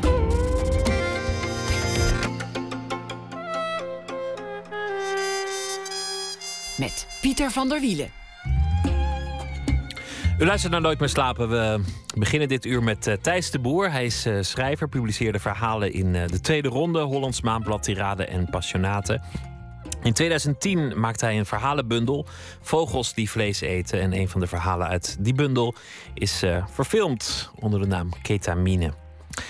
En deze week zal hij elke dag een verhaal voor ons schrijven... over de afgelopen dag en dat na ene voordragen. Goedenacht, uh, Thijs. Goedenacht. Tweede paasdag uh, was het. Ja, waarom eigenlijk? Hè? Wat, bedoel, waar dient tweede paasdag voor? Maar goed, het was nou eenmaal zo, dus, uh, dus we hebben ernaar geleefd. Wat, wat heeft het gebracht? Um, um, voor, voor mij of voor de wereld? Of, Begin bij jezelf en daarna de wereld. ik heb met de hond gewandeld twee keer een lange wandeling en uh, hij ligt nu naast mij te slapen. En hij wacht nog eigenlijk op de laatste wandeling, maar die, uh, die wordt wat later dan, dan normaal. Dus ik ga zo nog even wandelen met hem. Nou, dat is een, een, mooie dag om met de hond te wandelen. En ja, de wereld niet zoveel, denk ik, hè? Nou ja, ja ehm, ik, heb er niet, ik heb er natuurlijk wel een beetje gevolgd nu. je hebt natuurlijk die die uh, Sjaak Rijk is natuurlijk weer vrij. En ik hoorde net uh, op het journaal een schietincident in Rotterdam. Dus er gebeurt genoeg. Ja, ja, dat is waar. Maar het, het, lijkt toch altijd... Voor het gevoel is het altijd een nieuwsluwe dag. Ook, ook, al, ook al gebeuren er de grootste dingen in de wereld... dat blijft toch altijd een soort tweede paasdag ledig gevoel overheen hangen op de een of andere manier. Waar, gaat, je, waar gaat je verhaal over? Nou, er was uh, vandaag, uh, het is vandaag de eerste maandag van de maand. En dat betekent eigenlijk normaal dat het luchtalarm had moeten klinken. maar dat deden ze dus niet vandaag, omdat het een feestdag is. En volgende maand ook, ook niet, omdat het dan, volgens mij is het 4 mei, op de, de, eerste maandag van de maand. Dus doen ze het ook niet omdat het op een herdenkingsdag. En vorige week was ook het nieuws dat het luchtalarm helemaal gaat stoppen. En dat we willen gaan werken met uh, social media en, uh, en, uh, en L-alert en dergelijke. Goh, en, ja, dat, is, dat we dat toch meemaken. Dat niet meer zo'n dramatische sirene, maar een, een, een sms'je of een tweet van... hé hey joh, er komt een bombardement aan. Ja, precies. Ja, en dat vond ik wel... Ik, ja, ik, vroeger vond ik dat altijd heel indrukwekkend. En daarna is een, een, paar jaar weg geweest. Deze het stil volgens mij testen. En nu is het alweer een tijd terug. Maar nu willen ze dus weer mee gaan stoppen en daar heb ik eh, eigenlijk een, eh, een verhaaltje over geschreven. Ga je gang. Ik ben thuis aan het werk en het luchtalarm, luchtalarm gaat af. En ik denk niet aan de lichtflitsen en paddenstoelen van een nucleaire aanval. Ik denk niet aan vliegtuigen die hun bommen op me gaan gooien. Ik denk niet eens aan een chemische fabriek die ergens verderop is ontploft... en de wind die vanaf de fabriek precies mijn kant op blaast. Ik denk meteen, het is maandag, het is 12 uur en er is net een nieuwe maand begonnen. Dat zal misschien ooit mijn ondergang zijn. Dat iedereen veilig in de schuilkelder zit en dat reddingswerkers mij vinden en ik met mijn laatste adem zeg... Ik dacht dat het maandag was. Vroeger maakten we als kind al grappen dat als wij Duitsland waren, we Nederland precies op de eerste maandag van de maand om 12 uur zouden aanvallen. Ik ben van een oorlogloos tijdperk. Ik denk, dat, ik denk bij een luchtalarm niet meer aan al die erge dingen. Ik denk aan de liefde. Vroeger waren het de sterren en soms de maan. Maar in de stad zie je de sterren en de maan niet vaak meer. Sommigen gebruiken de tijd. Ze zeggen dan dat als het vier over half één is... en de digitale klok dus op 1, 2, 3, 4 staat... dat dan je geliefde aan je denkt.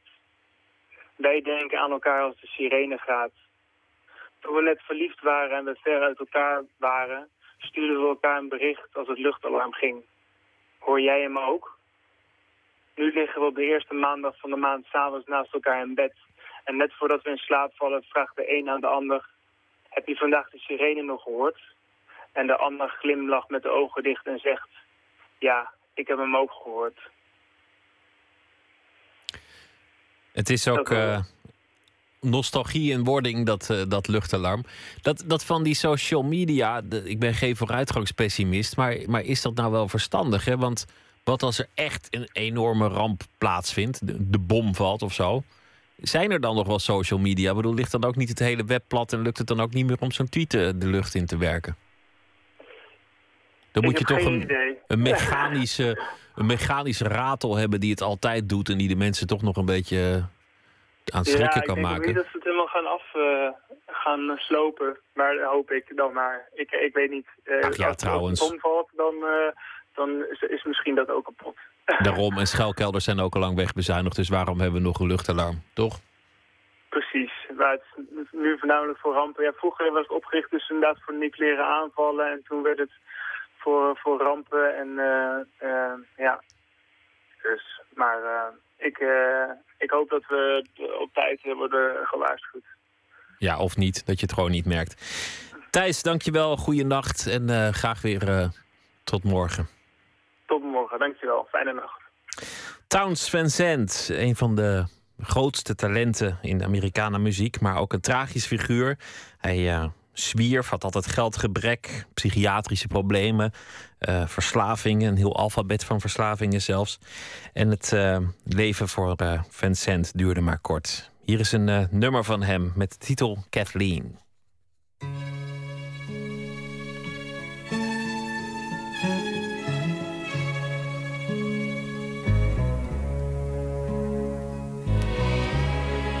Plain to see, sun won't shine today.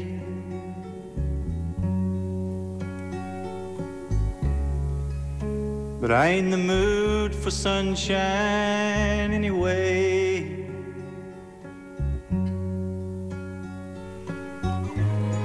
Maybe I'll go insane. I got to stop the pain.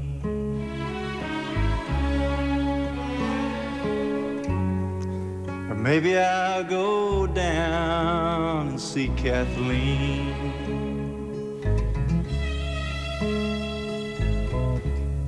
A swallow comes and tells me of her dreams.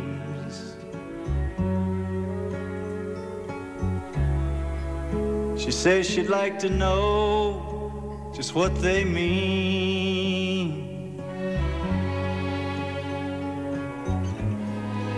Feel like I could die as I watch her flying by.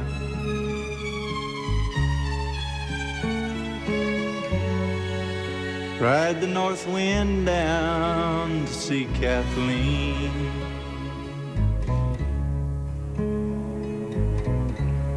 The stars hang high above the ocean's roar.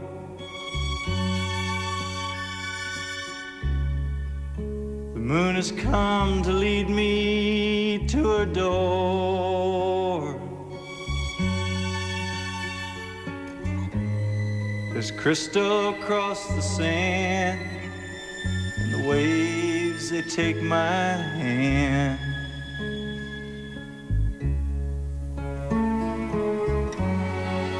Soon I'm gonna see my sweet Kathleen.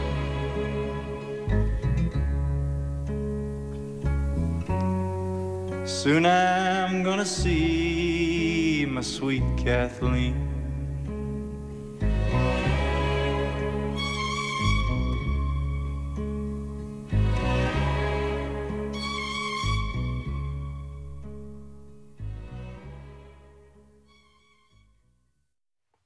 Towns Vincent, de Texaanse troubadour. Nummer uh, Kathleen van zijn uh, album Our Mother the Mountain uit 1969. Nooit meer slapen. Martine de Jong is een van Nederlands langstschrijvende bloggers onder de naam eh, Tine. Ze schrijft over eh, televisie. Voor de Volkskrant is ook art director voor Arjen Lubach. En nu debuteert ze met een roman, De Mannen van Raan. De uiterst gestructureerde, op het autistisch afprecieze Per leeft een geordend bestaan als de 26-jarige Raan zich in zijn leven opdringt. Een droomvrouw die aan alles om Per heen kleur weet te geven. Maar net als een droom lijken de dingen rond Raan niet helemaal te kloppen. Maarten Westerveen sprak Martine de Jong, die uh, de allereerste ontmoeting tussen de twee personages beschrijft. Het was kwart over tien. Ik was nu echt veel te laat. Voor de deur van het kantoor waar ik werkte stond een meisje te rommelen met een kettingslot. Ze had een tas in de vorm van een taartje. Dit meisje was nog nooit in mijn hoofd geweest. Ik ben begonnen met een scène die nu nog midden in het boek zit. Van Per en Raan samen al, waarop ze al samen waren. Dus, en op het moment dat ik door had hoe Per in elkaar stak... moest ik natuurlijk wel nog een manier vinden om haar erbij in te krijgen. kan je die scène beschrijven? En hoe kwam je daarbij? Het is de scène waarin uh, Raan koekjes bakt voor Per. En dat, is het eerst, dat was de eerste fictie die ik ooit geschreven heb. En uh, dat is dus ook waar ik mee begonnen ben. En daar is het verhaal eigenlijk uit voortgekomen vooraf en achteraf. Het zit ook echt midden in het boek nu. Het, nou, er gebeurt niet zoveel, behalve dan dat het eigenlijk een heel... Uh, nu nog is dat de meest alledaagse scène die erin zit... waarop ze gewoon samen zijn en dat er niks aan de hand is... en dat zij wat spullen heeft meegenomen en in zijn keuken koekjes staat te bakken. Omdat ze dat heel graag doet om rustig van te worden, zegt ze.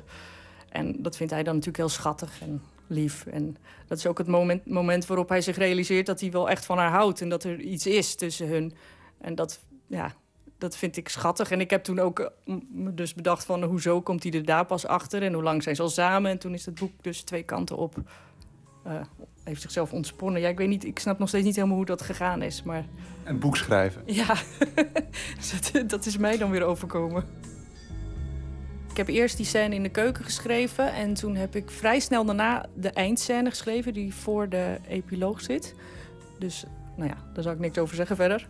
En uh, dat was best wel heftig, want uh, nou ja, dat is best wel heftige scène. En toen dacht ik van, hoe komen ze in vredesnaam van de gezelligheid in de keuken... ten eerste, hoe komen ze daar terecht en hoe komen ze dan uit bij deze toestand? En hoe komt het dat ze dat niet wisten? En dat, het, en dat vond ik sowieso opeens een heel interessante gedachte. En toen moest ik dus alles erbij gaan verzinnen om dat voor elkaar te krijgen. Dus op die manier heb ik het wel uitgeplot, maar dan meer in het proces, denk ik.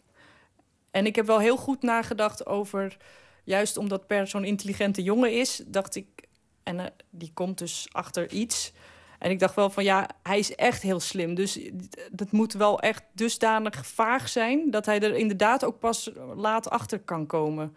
En daar heb ik uh, een methode voor gebruikt die heel ingewikkeld is, maar waar je niks van merkt, hopelijk als je het leest. Leg uit, hoe bedoel je methode? Uh, ik heb, uh, wat ik heb gedaan, ik heb de logigram van Einstein heb ik genomen. dat klinkt zo dom dit. Ik heb dat... En, uh, ken je de logigram? Nee, ga van. Oh, nou, logigram, dat is zo'n puzzel waarbij je dan tien statements krijgt. Bijvoorbeeld, de Duitser woont naast de Fransman... en de Engelsman rookt Marlboro... en de Duitsman, Duitser woont in een geel huis... en het groene huis staat naast het gele huis. Dat tien van dat soort dingen krijg je dan. En dan aan de hand van die dingen kun je dan met vakjes... moet je plusjes en minnetjes zetten, wat waar is en wat niet waar... kun je dus logisch, en dat kan ook alleen een mensenbrein oplossen... kan je dan oplossen hoe alles zit. Ken je die puzzels niet? Die zijn superleuk. Heb je ze hier toevallig nee, nog? Nee, nee, denk ik niet. Nee. Puzzels zat. Uh... Ja, je kan het ook gewoon op, op internet, op Wikipedia staat dan de, uh, die, die Einstein claimt men ooit bedacht heeft. En dat is dan een puzzel. In zijn geval is die geloof ik zes bij zes opties. Dus dat is echt heel veel mogelijkheden. Uh, die puzzel kan dan maar 0,0 weet ik veel procent van de mensheid kan die oplossen. En ik dacht van als ik dat nou gebruik, die heb ik dus helemaal herschreven naar personages uit het boek. En dat Per daar dan achter komt, achter die dingen. En dan zou die er dus technisch gezien achter moeten kunnen komen hoe het in elkaar steekt. Maar hoe ben jij aan die logigram gekomen? Wanneer dacht jij van weet je wat dit boek nodig heeft? Een beetje systematiek uh, met de hulp van Einstein? Nou, ik, ik, ik, dat zijn al heel lang mijn lievelingspuzzels. Dus ik kende ze sowieso wel. Alleen ik maak ze dan tandje makkelijker. Want 6 bij 6 is echt, echt ingewikkeld. Maar, dus ik vind het al een heel leuke soort puzzel. Juist omdat je zo moet, logisch moet redeneren. Van als het gele huis naast het groene huis staat... en naast het blauwe huis kan het dus niet naast het rode huis staan. Dat soort, je moet allemaal, dat is bij schaken moet je stappen doordenken. En dat vond ik gewoon heel gaaf daaraan. Dus ik heb ze altijd al leuk gevonden. Alleen ik dacht nu, omdat ik, er kwamen steeds meer mannen in het leven van Raan. Dus ik dacht, weet je wat? Volgens mij is dat net als die Fransman en die Duitser en die Engelsman. En kan ik daar nog wat meer dingen dan aanhangen. En het was ook vooral voor mezelf om het overzichtelijk te houden. En dat ik dus ook geen domme fouten in het boek zou schrijven. Waardoor in het echte leven dan Per er al lang achter had kunnen komen.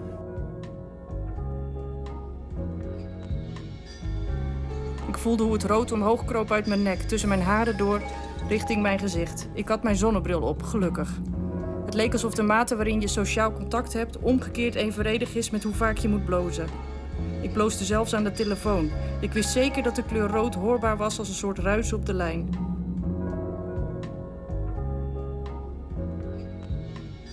Uh, wat ik wel belangrijk vond is dat als je het boek uit had, dat je voor iedereen wel, dat je voor iedereen wel iets zou kunnen voelen van ja, snap ik wel. En dat, er voor, dat je gewoon voor, snapt hoe Per heeft gehandeld en waarom hij zo heeft gehandeld. Maar ook Raan en ook haar broers en haar moeder. En dat, je, dat er eigenlijk niemand uh, ook anders kon bijna beslissen te doen wat ze deden. Omdat het gewoon... Ja, de situatie was zoals die was. En er stond eigenlijk ook al van tevoren vast dat het zo zou aflopen. En daar heeft ze zelfs op gehint al vrij in het begin. Of gehint, gewoon gezegd. En dat je toch voor iedereen wel kon zeggen... ja, snap ik wel. En het is wel goed zo. Dat je niet dat, dat uit had en dacht van... nou, dat, wat een rot einde of wat een leuk einde... of uh, precies goed of precies verkeerd. Maar dat je gewoon eigenlijk alles, dat alles wel oké okay was. Dat wilde ik heel graag. Omdat het... Dat, ja, dat wilde ik heel graag. Waarom? Nou, omdat ik... Uh, ik heb bijvoorbeeld zelf heel erg hekel aan roddelen. En ik vind het gewoon heel belangrijk dat, omdat, dat er voor iedereen altijd wel wat. Iedereen heeft wel iets en voor iedereen valt ook wel weer wat te zeggen. En ik, ik vind zeker bij dit soort personages, waarbij je natuurlijk alles toch uitvergroot van mensen die je kent of van jezelf. Of, maar dat het voor alles en iedereen is wel wat te zeggen. En dat is fascinerend en irritant tegelijk, maar ook wel belangrijk, denk ik. Ik vind dat, ja, ik weet niet, ik had het jammer gevonden als het boek was afgelopen... en dat je, dat je dan als lezer dacht van... een beetje met een rotgevoel overblijft. Ik vind het fijn, volgens mij, als je dit boek uit hebt, denk je van... ja, ja, ja, waarom ook niet? Beetje zo. Dat mededogen, het feit dat je mensen kan begrijpen aan het eind van het boek... het feit dat je het idee hebt dat, dat dit mensen zijn met motieven... waar je inzicht in kan krijgen. Is dat belangrijk voor je? Um, ja, misschien wel. Ja, ik snap over het algemeen niet zo heel veel van mensen. Dus het is wel, dit was wel prettig, ja. Hoezo niet? Wat niet? Hoezo snap je mensen niet? Nou, jij wel dan? Ja, het is je beroep natuurlijk. uh, het is heel ingewikkeld, ja. ja. ja. Waar werk je deze eerste dag dan? vroeg ik haar. Bij Franco. En jij? Dat is op de vijfde verdieping, hielp ik haar ongevraagd. Ik werk mijn 812e dag op de zesde bij Bureau Vorst. Ik was verguld dat ik nu eindelijk dat altijd parate getal kon inzetten. Ze lachte. Bureau Forst, hoe eten jullie in de zomer? Ik had deze grap al eens gehoord, al oneindig veel vaker dan eens en ook opvallend vaak buiten de winter. Ondanks mijn aversie tegen herhaling moest ik toch lachen. Het zou niet in mij zijn opgekomen om niet te lachen, het was haar eerste dag. Dat ik wist voor de hoeveelste keer ik zojuist door die deur naar binnen was gegaan, vond ze blijkbaar normaal, of ze hoorde het niet. Ik moest rekening houden met een zekere mate van domheid, hoe knap en symmetrisch ik haar ook vond. Ja, ik vind het, ja, ik vind het, heel, ik vind het heel ingewikkeld in de zin van dat ik zelf altijd heel erg bezig ben met wie ik ben ten opzichte van de mens die op dat moment tegenover me zit. Heel vermoeiend ook. Nu ook? Ja, als je straks weg bent, dan trek ik mijn huispak aan en dan ga ik even uit. Echt? Ja. Zo zwaar is het allemaal toch nog niet? Zeg jij. Dan is het eerder nog verbazingwekkend dat je niet eerder aan schrijven bent begonnen. Ja, inderdaad. Ja, het is een heel fijn uh, beroep, ben ik ook achtergekomen. Want je kunt het helemaal alleen doen. En de, op een redacteur nou, is er niemand die zich met de inhoud bemoeit. Ja. Ja, misschien het wordt helemaal een soort van psychologisch inzicht dit. Uh. Wat is daar zo vermoeiend aan? Uh, nou, dat is denk ik grotendeels omdat ik zelf gewoon niet zo goed weet wat iemand zijn sowieso is. Maar dit gaat wel heel uh, diep. Ik, ik vind dat heel... Vind jij dat niet ingewikkeld? Ja, ik verbaas me er altijd over, maar... Ik, ik, als ik, zoals nu, ben ik aan het praten en dan kan ik alleen maar mezelf horen praten. En dan denk ik, wat zeg ik allemaal? Waarom zeg ik dat? Wil ik dit wel zeggen? Wil jij dit wel horen? Wil iemand dit überhaupt horen? Waar ben ik mee bezig? Ik vind dat, ik, ik ken dat. Alleen ik vind het ook eigenlijk wel mooi. Tuurlijk is dat mooi, maar dat wil niet zeggen dat het iets is waar ik energie uitput of zo, per se. Maar daarom is schrijven is wel fijn, want daardoor kun je het juist wel doen zonder dat je er uitgeput van raakt. Ik krijg juist wel. Nou, één, dat is niet waar. Ik krijg geen energie van schrijven. Ik ben altijd heel erg moe na het schrijven. Ja, Maar het is dankbaarder in een zekere zin, want je mag het nu zelf bepalen hoe die situaties. Je, je, je plaatst jezelf boven al die mensen. Ja, en je hebt alles onder controle, min of meer. Ja. Nou ja, ja. Is het, wat, wat blijft buiten je controle? Nou, het is, het is meer, ik heb het onder controle dat ik. Ja, bijvoorbeeld als ik. Op een gegeven moment dacht ik van ik moet, ik moet iets. Per moet nu wel even. Er moet wel iets gebeuren met Per, waardoor die. Uh, uh, even bijvoorbeeld geen contact uh, weer opnemen met Raan. Maar ja, daar is hij niet zo goed in, hebben we al gemerkt. Dus ja, hoe moeten we dat nou doen? En toen heb ik hem dus een blinde darmontsteking gegeven, nogal heftige. En dat vind ik dan best wel zielig. Maar ja, dat en dan heb ik het toch niet helemaal onder controle. Want dan denk ik, ja, dan moet hij nu wel naar het ziekenhuis. Hoe komt hij daar dan? En nou ja, laat zijn moeder er maar ophalen dan. En dan krijg je dat soort...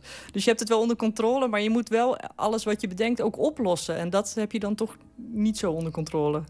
Want je hebt natuurlijk maar een beperkt aantal karakters. Je kan niet elke keer nieuwe buurman en voorbijgangers erbij halen. Dus ja, je hebt het wel onder controle, maar je moet wel alle shit oplossen die je bedenkt. Dat is eigenlijk net het echte leven. Ja. Ja, toch? Maarten Westerveen in gesprek met uh, Martine de Jong over haar debuutroman De Mannen van Raan. Een uh, uitgave van uitgeverij Podium. Uit België komt uh, Cela Sou. Ze heeft een nieuw album uit. En op dat album staat een akoestische versie van het nummer Alone. Die gaan we maar eens draaien.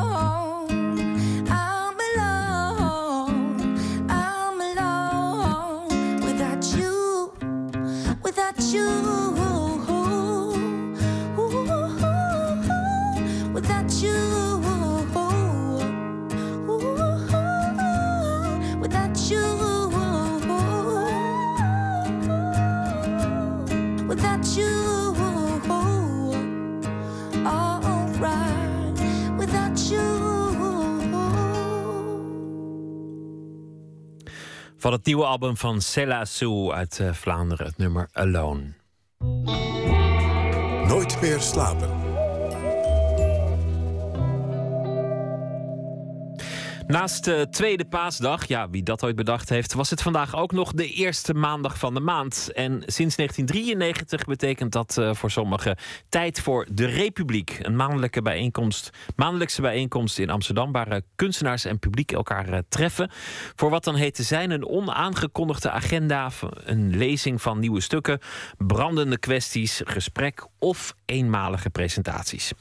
Man achter de avond is regisseur-acteur Jan-Joris Lamers. En eh, Anton de Goede, onze nachtcorrespondent, eh, was aanwezig. Anton, goeienacht. Ja, goeienacht, Pieter. Wat heb je aangetroffen? Eh, ja, wat heb je aangetroffen? Het was een avond waar wel geteld 28 mensen op af waren gekomen. Ehm, de Bali in Amsterdam. Niet zo raar, zo weinig mensen, want het is een avond waarvan van tevoren geen agenda bekend is. En waar ook eigenlijk niet voor wordt geadverteerd. Bij de kassa van de Bali wist men vanmiddag niet eens of het eigenlijk wel doorging vanavond. Eerlijk gezegd is het bestaan van deze avonden mij ook in al die 22 jaar dat ze worden gehouden, eh, me eigenlijk altijd ontgaan. Toevallig dat ik er gisteren iets over op Facebook zag. En ik was vooral nieuwsgierig vanwege de naam Jan Joris Lamers. Want Jan Joris Lamers, dat is de man die betrokken was bij de oprichting van het Werktheater ooit. Bij het onafhankelijk toneel. En de man van maatschappij Discordia. Ehm, dat is allemaal wel lang geleden. Maar ik dacht, ik ga daarheen. Eigenlijk heel vreemd wat je dan overkomt. Je komt gratis naar binnen. Je krijgt bij binnenkomst een glaasje wijn aangeboden. En er begint dan een soort absurdistische dialoog tussen Jan Joris Lamers en een ander Discordia-lid, Matthias de Koning. Ehm, en af en toe staat er iemand op die om de aandacht vraagt. En van een van die bezoekers, daar herkenden we Judith Hertzberg in. Judith Hertzberg, de dichteres. En die zei dat ze graag een stukje wilde voorlezen uit een afscheidscollege van een professor die Keizer heette, een econometrist, die een tekst schreef die zij hoogst actueel vond. Mevrouw Hertzberg klonk zo. Stop de opmars van het winner-take-all beginsel uit de topsport. Waarbij alles in wedstrijdtermen wordt bekeken, waarbij de winnaar een prijs wint en de rest het met wat kruimels moet doen. Ik zie de opmars al jaren voor te denderen, ook aan deze universiteit. Ja, dit was een afscheidscollege bij de VU. Economen hebben daar ontegenzeggelijk aan, bij, ontegenzeggelijk aan bijgedragen. Competitie houdt je scherp, dat staat vast. Maar plichtsgetrouw je eigen gang gaan is denk ik net zo belangrijk in een wereld die steeds meer afhangt van creativiteit, vertrouwen en goede dienstverlening. Winner takes all appelleert aan misplaatst eergevoel. Het speelt mensen tegen elkaar uit. Ja, we are the champions, no time for losers is geen organisatieprincipe voor een economie of samenleving. Al dus uh, Judith Hetsberg tijdens die avond uh, de Republiek. Anton, ik snap het nog steeds niet. Ik bedoel, er waren 28 mensen. Bij mij in het café vanochtend waar ik mijn espresso dronk zaten er meer. Maar daar werden minder ja. belangwekkende kwesties uh, besproken door minder prominente figuren. Wat is het nou voor avond? Ja, nou helemaal uh, terecht dat je deze, deze vraag stelt, want die had ik natuurlijk eigenlijk ook. Ik sprak met Jan Joris Lamers en vroeg wat ooit de opzet was, 23 jaar geleden, van deze avonden, die vroeger werden gehouden in het gebouw Felix Meritus. Dat gebouw, weet je, in het centrum van Amsterdam, stammend uit de 18e eeuw, de tijd van de verlichting. Wat was achter die avonden nu ooit de bedoeling? Ja, nou ja, een soort 18e-eeuwse salon. het liefste hadden we dat gedaan bij, op, de, op de Herengracht bij de familie Six, onder het portret. maar we hadden ook een mooi gebouw, hè, toen, de Felix Meritus. En, uh, en, en, ook de, het idee van die oude Felix Meritus-beweging... Uh, van die, die 18e-eeuwse intellectuelen die dat hebben laten bouwen. En dat, dat we daar weer iets, een nieuw leven aan zouden geven. Ja, vanavond, uh, maar goed, het was, dan, uh, het, was dan Pasen. Niet zoveel bezoekers, maar zijn er ook momenten geweest dat het wel heel vol zat? Ja, dat vroeg ik ook, want ze hebben natuurlijk een enorme reeks avonden nu gehad in het verleden. Vroeger deed ook, uh, deden mensen van toneelgroep Amsterdam mee. Geert-Jan Reinders, veel acteurs, ook schrijvers. En zo memoreerde hij dat eigenlijk het eerste optreden van Arno Grunberg daar plaatsvond dat was rond de publicatie van Blauwe Maandagen, zijn debuut. Eh, en dat Grunberg daar nog een toneelstuk heeft voorgelezen. Ehm, dus, en daar kwamen toen heel veel mensen op af... omdat Arno Grunberg een grote achterban bleek te hebben. Ook toen al, terwijl hij net gedebuteerd was. Zelf las Jan Joris Lamers trouwens vanavond ook voor. En wel poëzie van Mark Strand, Amerikaanse dichter. En ik vroeg hem dat gedicht nog een keer voor de microfoon te lezen... omdat het erg goed is. En ook omdat het eh, stof was om daar straks nog op door te praten. Laten we eerst luisteren naar dat gedicht van Mark Strand... Geluisterd, eh, gelezen dus door Jan Joris Lamers. Eendracht in het boudoir. Na een huwelijk van jaren staat hij aan het voeteneind van het bed en vertelt zijn vrouw, omdat ze hem nooit zal kennen, dat er bij alles wat hij zegt meer is wat hij niet zegt. Achter ieder uitgesproken woord een ander woord schuilt en daarachter nog honderden. Al die ongesproken woorden, zegt hij, bevatten zijn ware zelf, verraden door het oppervlakkige zelf tegenover haar. Dus je begrijpt, zegt hij en schopt zijn slippers uit. Ik ben meer dan ik je liet geloven. Natuurlijk, gekkie, zegt zijn vrouw. Alleen al denken aan jou met al die zelven die zich terugtrekken in het niets... vind ik ontzettend opwindend. Niets is zaliger voor mij dan dat je nauwelijks bestaat zoals je bent. Het is inderdaad een indrukwekkend eh, gedicht. Ja, is echt heel erg goed. En de reactie van Jan Joris Lamers vond ik eigenlijk veelzeggend... toen ik hem vroeg waarom hij dat gedicht van Mark Strand eigenlijk zo goed vindt. Luister. Ik, ik ben bevooroordeeld omdat ik, die, omdat ik die gedichten al heel lang ken. En het is een hele een van de meest onorthodox, onorthodoxe dichters die er is. Hij maakt nauwelijks verschil tussen proza en poëzie. En in feite eh, meandert hij heel sterk in zijn onderwerpen. Zijn onderwerpen lopen door elkaar. Hij staat zichzelf toe, eigen- eigenlijk een beetje op een surrealistische wijze... om, om midden in het verhaal pl- plotseling een ander verhaal te gaan vertellen... Om, omdat hem op dat moment zijn gedachtenstroom iets anders aanbiedt. En met dat soort, eh, ehm, ja, hoe noem je dat? Kennis of eh, ervaring... gaat hij heel, eh, ja, heel, heel, heel vrij om. Dat is, dat is, dat is wel bijzonder. het is, een, het is een, een outsider-dichter, zou je kunnen zeggen. En hij heeft helemaal niet, eh, geen, eh, hij heeft niet dat noodzakelijke wat meeste mensen hebben. Of dat persistente. Nou, ik weet niet, kan het niet precies uitleggen. Het noodzakelijke wat veel mensen... Dat, is interessant, want... Nou ja, dat ze zich voordoen als noodzakelijk. Dat ze, eh, hij, heeft, hij doet helemaal niet aan, aan zelfpromoting. Het is, een, eh, het, is een, het is echt typisch, typisch iemand die schrijft omdat het niet anders kan dan schrijven. Maar de status daarvan eigenlijk niet precies begrijpt. Nee, maar dat, misschien is er wel een raakvlak met die avonden onder de noemer de Republiek. Het zou kunnen, het zou, maar, maar, maar ik heb, we hebben daar verder helemaal geen pretenties mee. Nee. Nee, maar dat is, wat opvalt is... eh, nu in de paasdagen ook, overal is het druk en men schreeuwt om aandacht.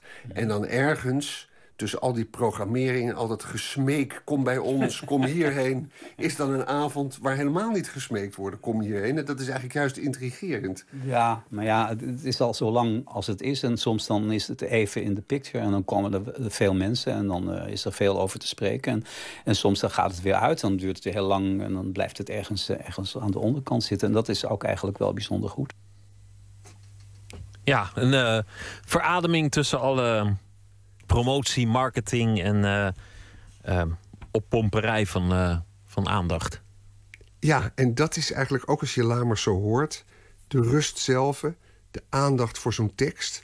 En dat is dat groepje mensen dat daar dus dan elke maandag... de eerste maandag van de maand bijeenkomst komt... die delen dat. Eh, Strand doet niet aan zelfpromoting. Nou, dat is precies wat Lamers eigenlijk ook niet. Bijna in het geheim kan je daar eh, heerlijk gebogen zitten... over allerlei kunstvormen. Trouwens, ik begreep van hem dat alles altijd door de jaren heen is opgenomen op, eh, op geluidsbestanden. En daar moeten we een keertje achterheen, want dat betekent dat er sinds 1993, bijvoorbeeld van Grunberg, opnamen zijn die niemand verder kent. Bijzonder. De eerste maandag van de maand, de Republiek eh, in de Bali in eh, Amsterdam. Een uh, stiekeme tip. Dankjewel, Anton de Goede. Het nieuwe album Carrie and Lowell van uh, Sufjan Stevens gaat ook een beetje over zijn overleden moeder. En dat is soms heel lief, maar soms ook wel hartverscheurend. Luister naar het nummer Death with Dignity.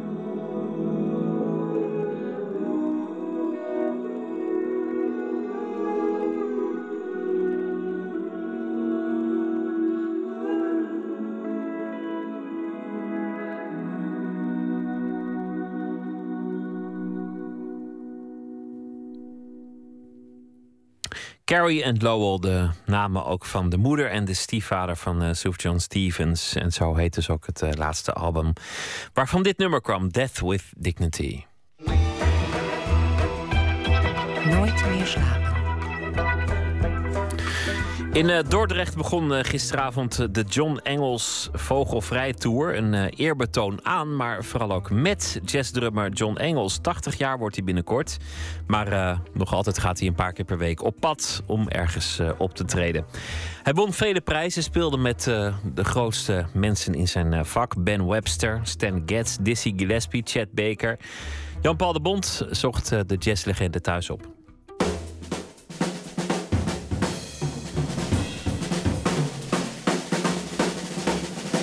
Denk je dat ik daar iets van begrijp? Zit ik al 63 jaar achter die ketels? Ik merk natuurlijk eh, af en toe eh, lichamelijk als ik te veel doe en, en, en, en dat ik een beetje uit moet kijken en zo- en zo. Maar ja, joh, als, voor mij gaat het namelijk om de muziek. Ik wil gewoon spelen. Tot, tot, The night is like a lovely thing. Take care, my foolish heart. maar dat ik 80 word, daar begrijp ik niks van. Voor mij bestaat er eigenlijk geen tijd ergens. Dus hier, hier, hier in mijn hoofd, hè, daar, heb ik, daar denk ik heel, heel anders over. Bepaalde dingen en zo. Het is natuurlijk het fantastisch. En ik bedoel dat ze nu een tournee georganiseerd hebben. Daar ben ik zeer trots op. Hoe vaak speel je überhaupt nog door de week? Nou ja, dat is soms, soms, soms drie keer. Soms iets minder. Maar dan heb ik eindelijk ook eens een keer een beetje tijd voor andere dingen. Voor, je een beetje orde te maken. Want het is één grote, geen één grote swingende puinhoop. Ik kan niks meer vinden en zo. Nee, het, is een, het is een museum hier. We zitten nu in, eh, in je kelder, in je, je oefenkelder eigenlijk in Amsterdam. Maar ook de woonkamer hierboven, één etage verder, is, is gewoon een museum. Ja joh, dit, dit is, het is één grote puinhoop. Ik kan niks vinden. Allemaal foto's, alles ligt door elkaar. En dan komt er weer wat tevoorschijn. Ik denk, hé, hey, dat is leuk. Nee, maar ik zag hier ineens iets. Dus een van de eerste platen die ik gemaakt heb. Nelson Williams. Welk jaar is dat dan? Dat weet ik geen eens meer. Even denken hoor. Jaren 60, 61. Welke stuk is dan? Ik kan het gelezen lezen. Dit doet, dit doet, dat, da. Dit doet, dit doet, dit. En alle, alle of meer en Autumn Leaves. Ah ja, ja, Jimmy Nepper, joh. Dat is fantastisch met die katten, joh. Even zoeken, hoor. Wacht even. Ja, dan zat hij stil. Dan moet ik even gaan kijken.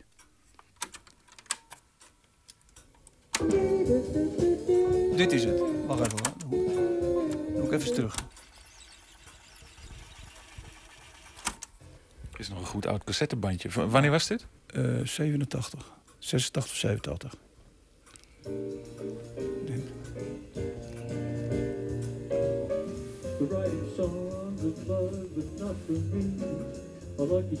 Chat.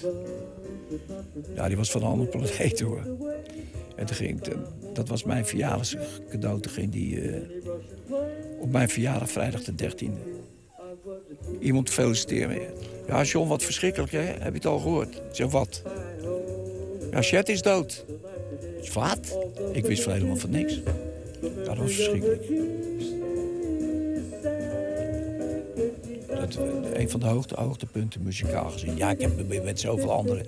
Maar Chet die pakte mij hier, vo- vooral de ballads en hoe die zong, hoe die improviseerde. Nou, dat is huid niet verballen. Dan speel ik twaalf chorussen achter hem acht. The Never Be an One Like You. Dat, daar zingt hij een sketchorus op. Dat is, dat is niet te geloven. Zeldzaam.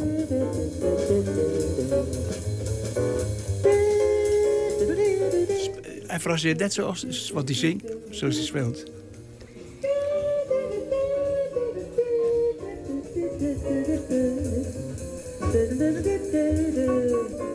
Ik werd opgebeld en toen moest ik, het was in 1982. En eh of ik met Jet, ja, eh, natuurlijk. En toen, toen heb, ik, heb ik gespeeld. We hadden niet gerepeteerd. Michel Creer zat erbij. Jan, Jan Voogd zat erbij op bas. En, en toen heeft, heeft me mee... Heb ik een cd gemaakt en heeft Chet me mee naar Japan genomen. Heb ik heel lang tournee gemaakt. Ja, de, de- fantastische herinnering aan met Chet. We praten niet veel. Nee, we praten als we aan het spelen waren. En eh, kijk, en dat, zo, zo denk ik namelijk over. Ik geloof dat het afgelopen zo. Toen zet ik een stop, want het duurt veel te lang.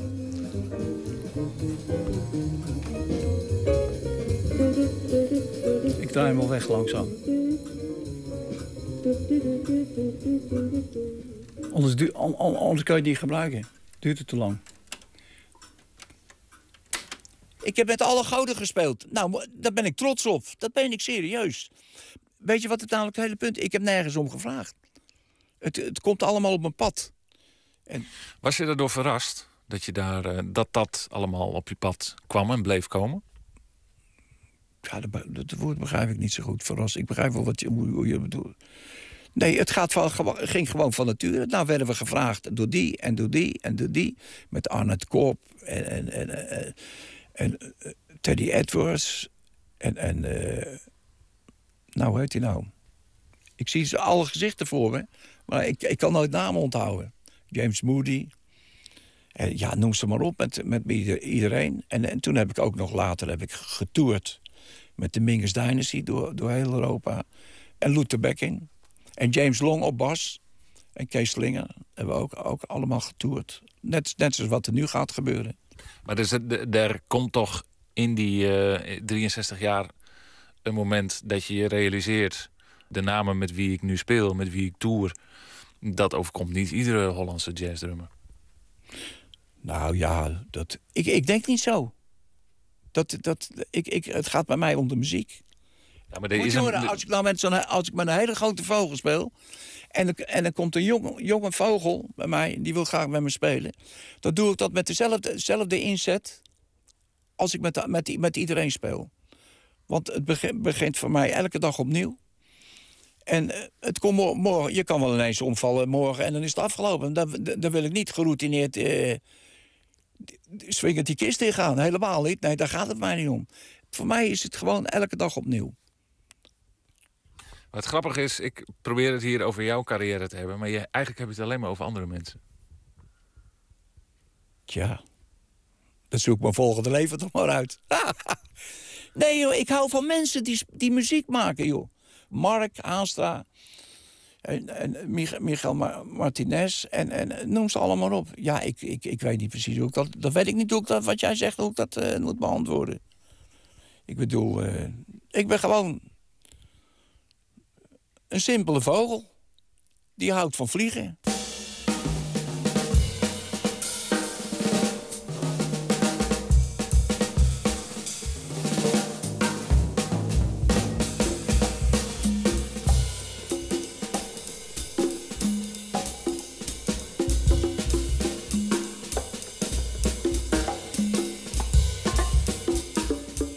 5 april is jouw eh, jubileumtour begonnen.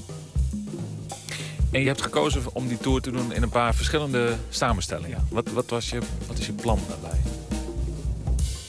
Nou ja, ik zou oorspronkelijk zijn met Theo Louventi erbij. Maar The- Theo Louventi die, die, die eh, werd ineens ziek en die, kon niet, die, die, die kan niet meer blazen. Nou, er zijn er, twee, zijn er andere mensen komen erbij. Eh, Walter Wierborst, ken je die? En Jan Menu zit erbij. En dan zit bij, bij, bij andere concerten zit Bart Verlier zit erbij. En Tineke Postma doet ook een keer mee. En ik speel ook met, met het, eh, het quintet onder mijn naam. En het trio Louis van Dijk dan op mijn verjaardag. Ik vind het fantastisch dat dit georganiseerd wordt. Maar het kost me wel een hoop stress. En ik ben sowieso al een stressige vogel. Ja, ben je zo'n stressvogel? Ja, natuurlijk. Ben ik altijd. Wat denk je wat ik al op mijn zodemieter had van dokter... Hey, joh, jongen, je moet er een keer uitbouwen. Jij denkt maar dat je 18 is. Ja, hier. Ik ben hier 18. De geest is jong.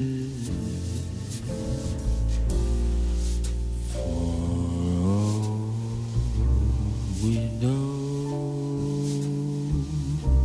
this may only be a dream.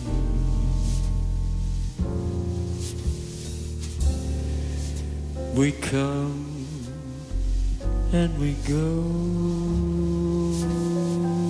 like the ripple on a stream. Maar waarom ben jij overgebleven van al die mensen? Want heel veel zijn er al weggevallen. Hou je niet van... Daar, daar zit ik wel mee, hoor. Dierbare mensen allemaal. Al, al, al, al iedereen, joh. En het zijn er zoveel. Ja, dan raak je hele... Ja, hele gevoelige snaar. Maar, joh, moet je horen. Wat, wat, wat, eh, weet, je, weet je wat het punt is? Ik droom verschrikkelijk veel. En, en, en dan gebeurt dat ik met, met eh, al mijn die niet meer zijn, daar speel ik dan s'nachts mee.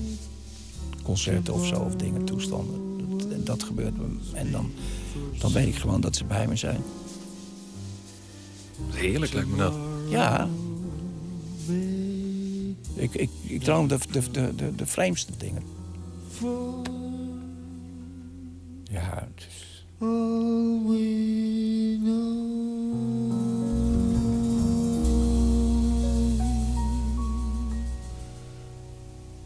all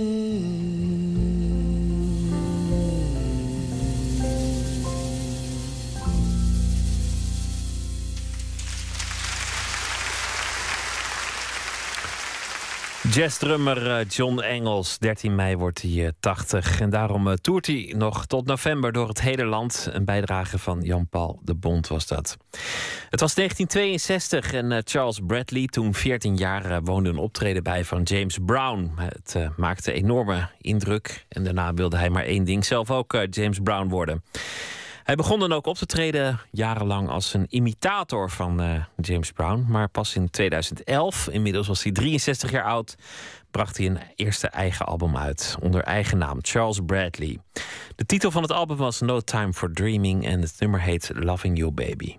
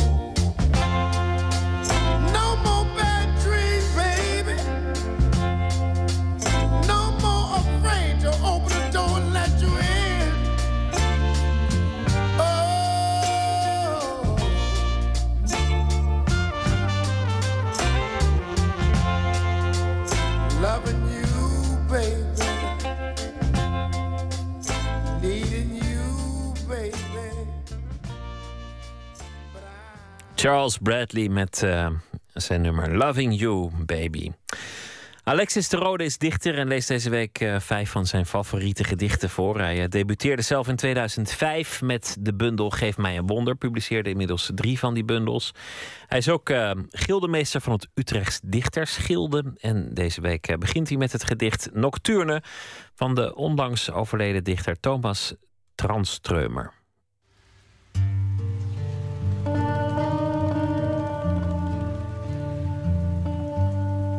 Ik lees een gedicht voor van Thomas Tranströmer, die onlangs is overleden. En eh, dat is de enige Zweedse dichter die ik redelijk goed ken. Die ik heel erg goed vind. Zijn poëzie is heel anders dan wat nu in Nederland hip is. Het is geen ontzettende goochelaar met taal.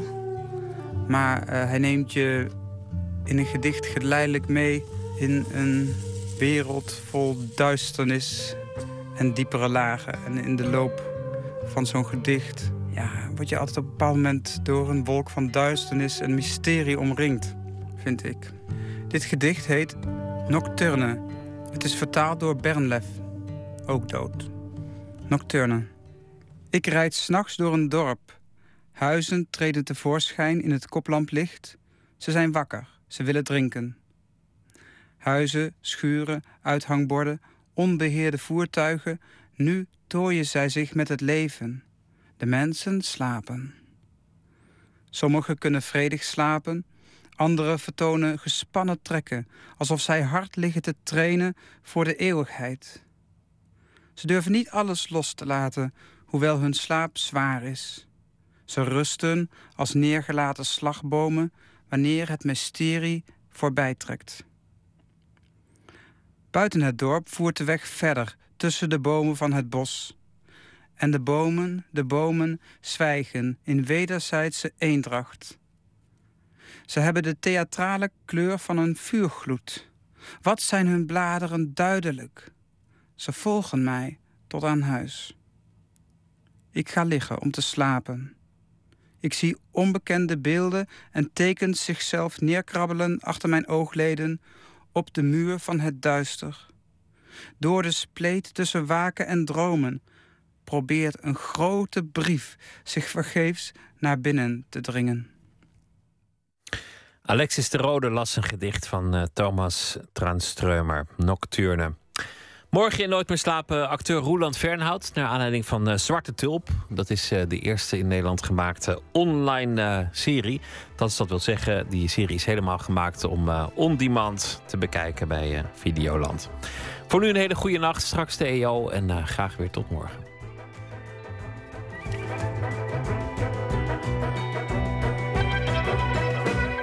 Op Radio 1, het nieuws van alle kanten.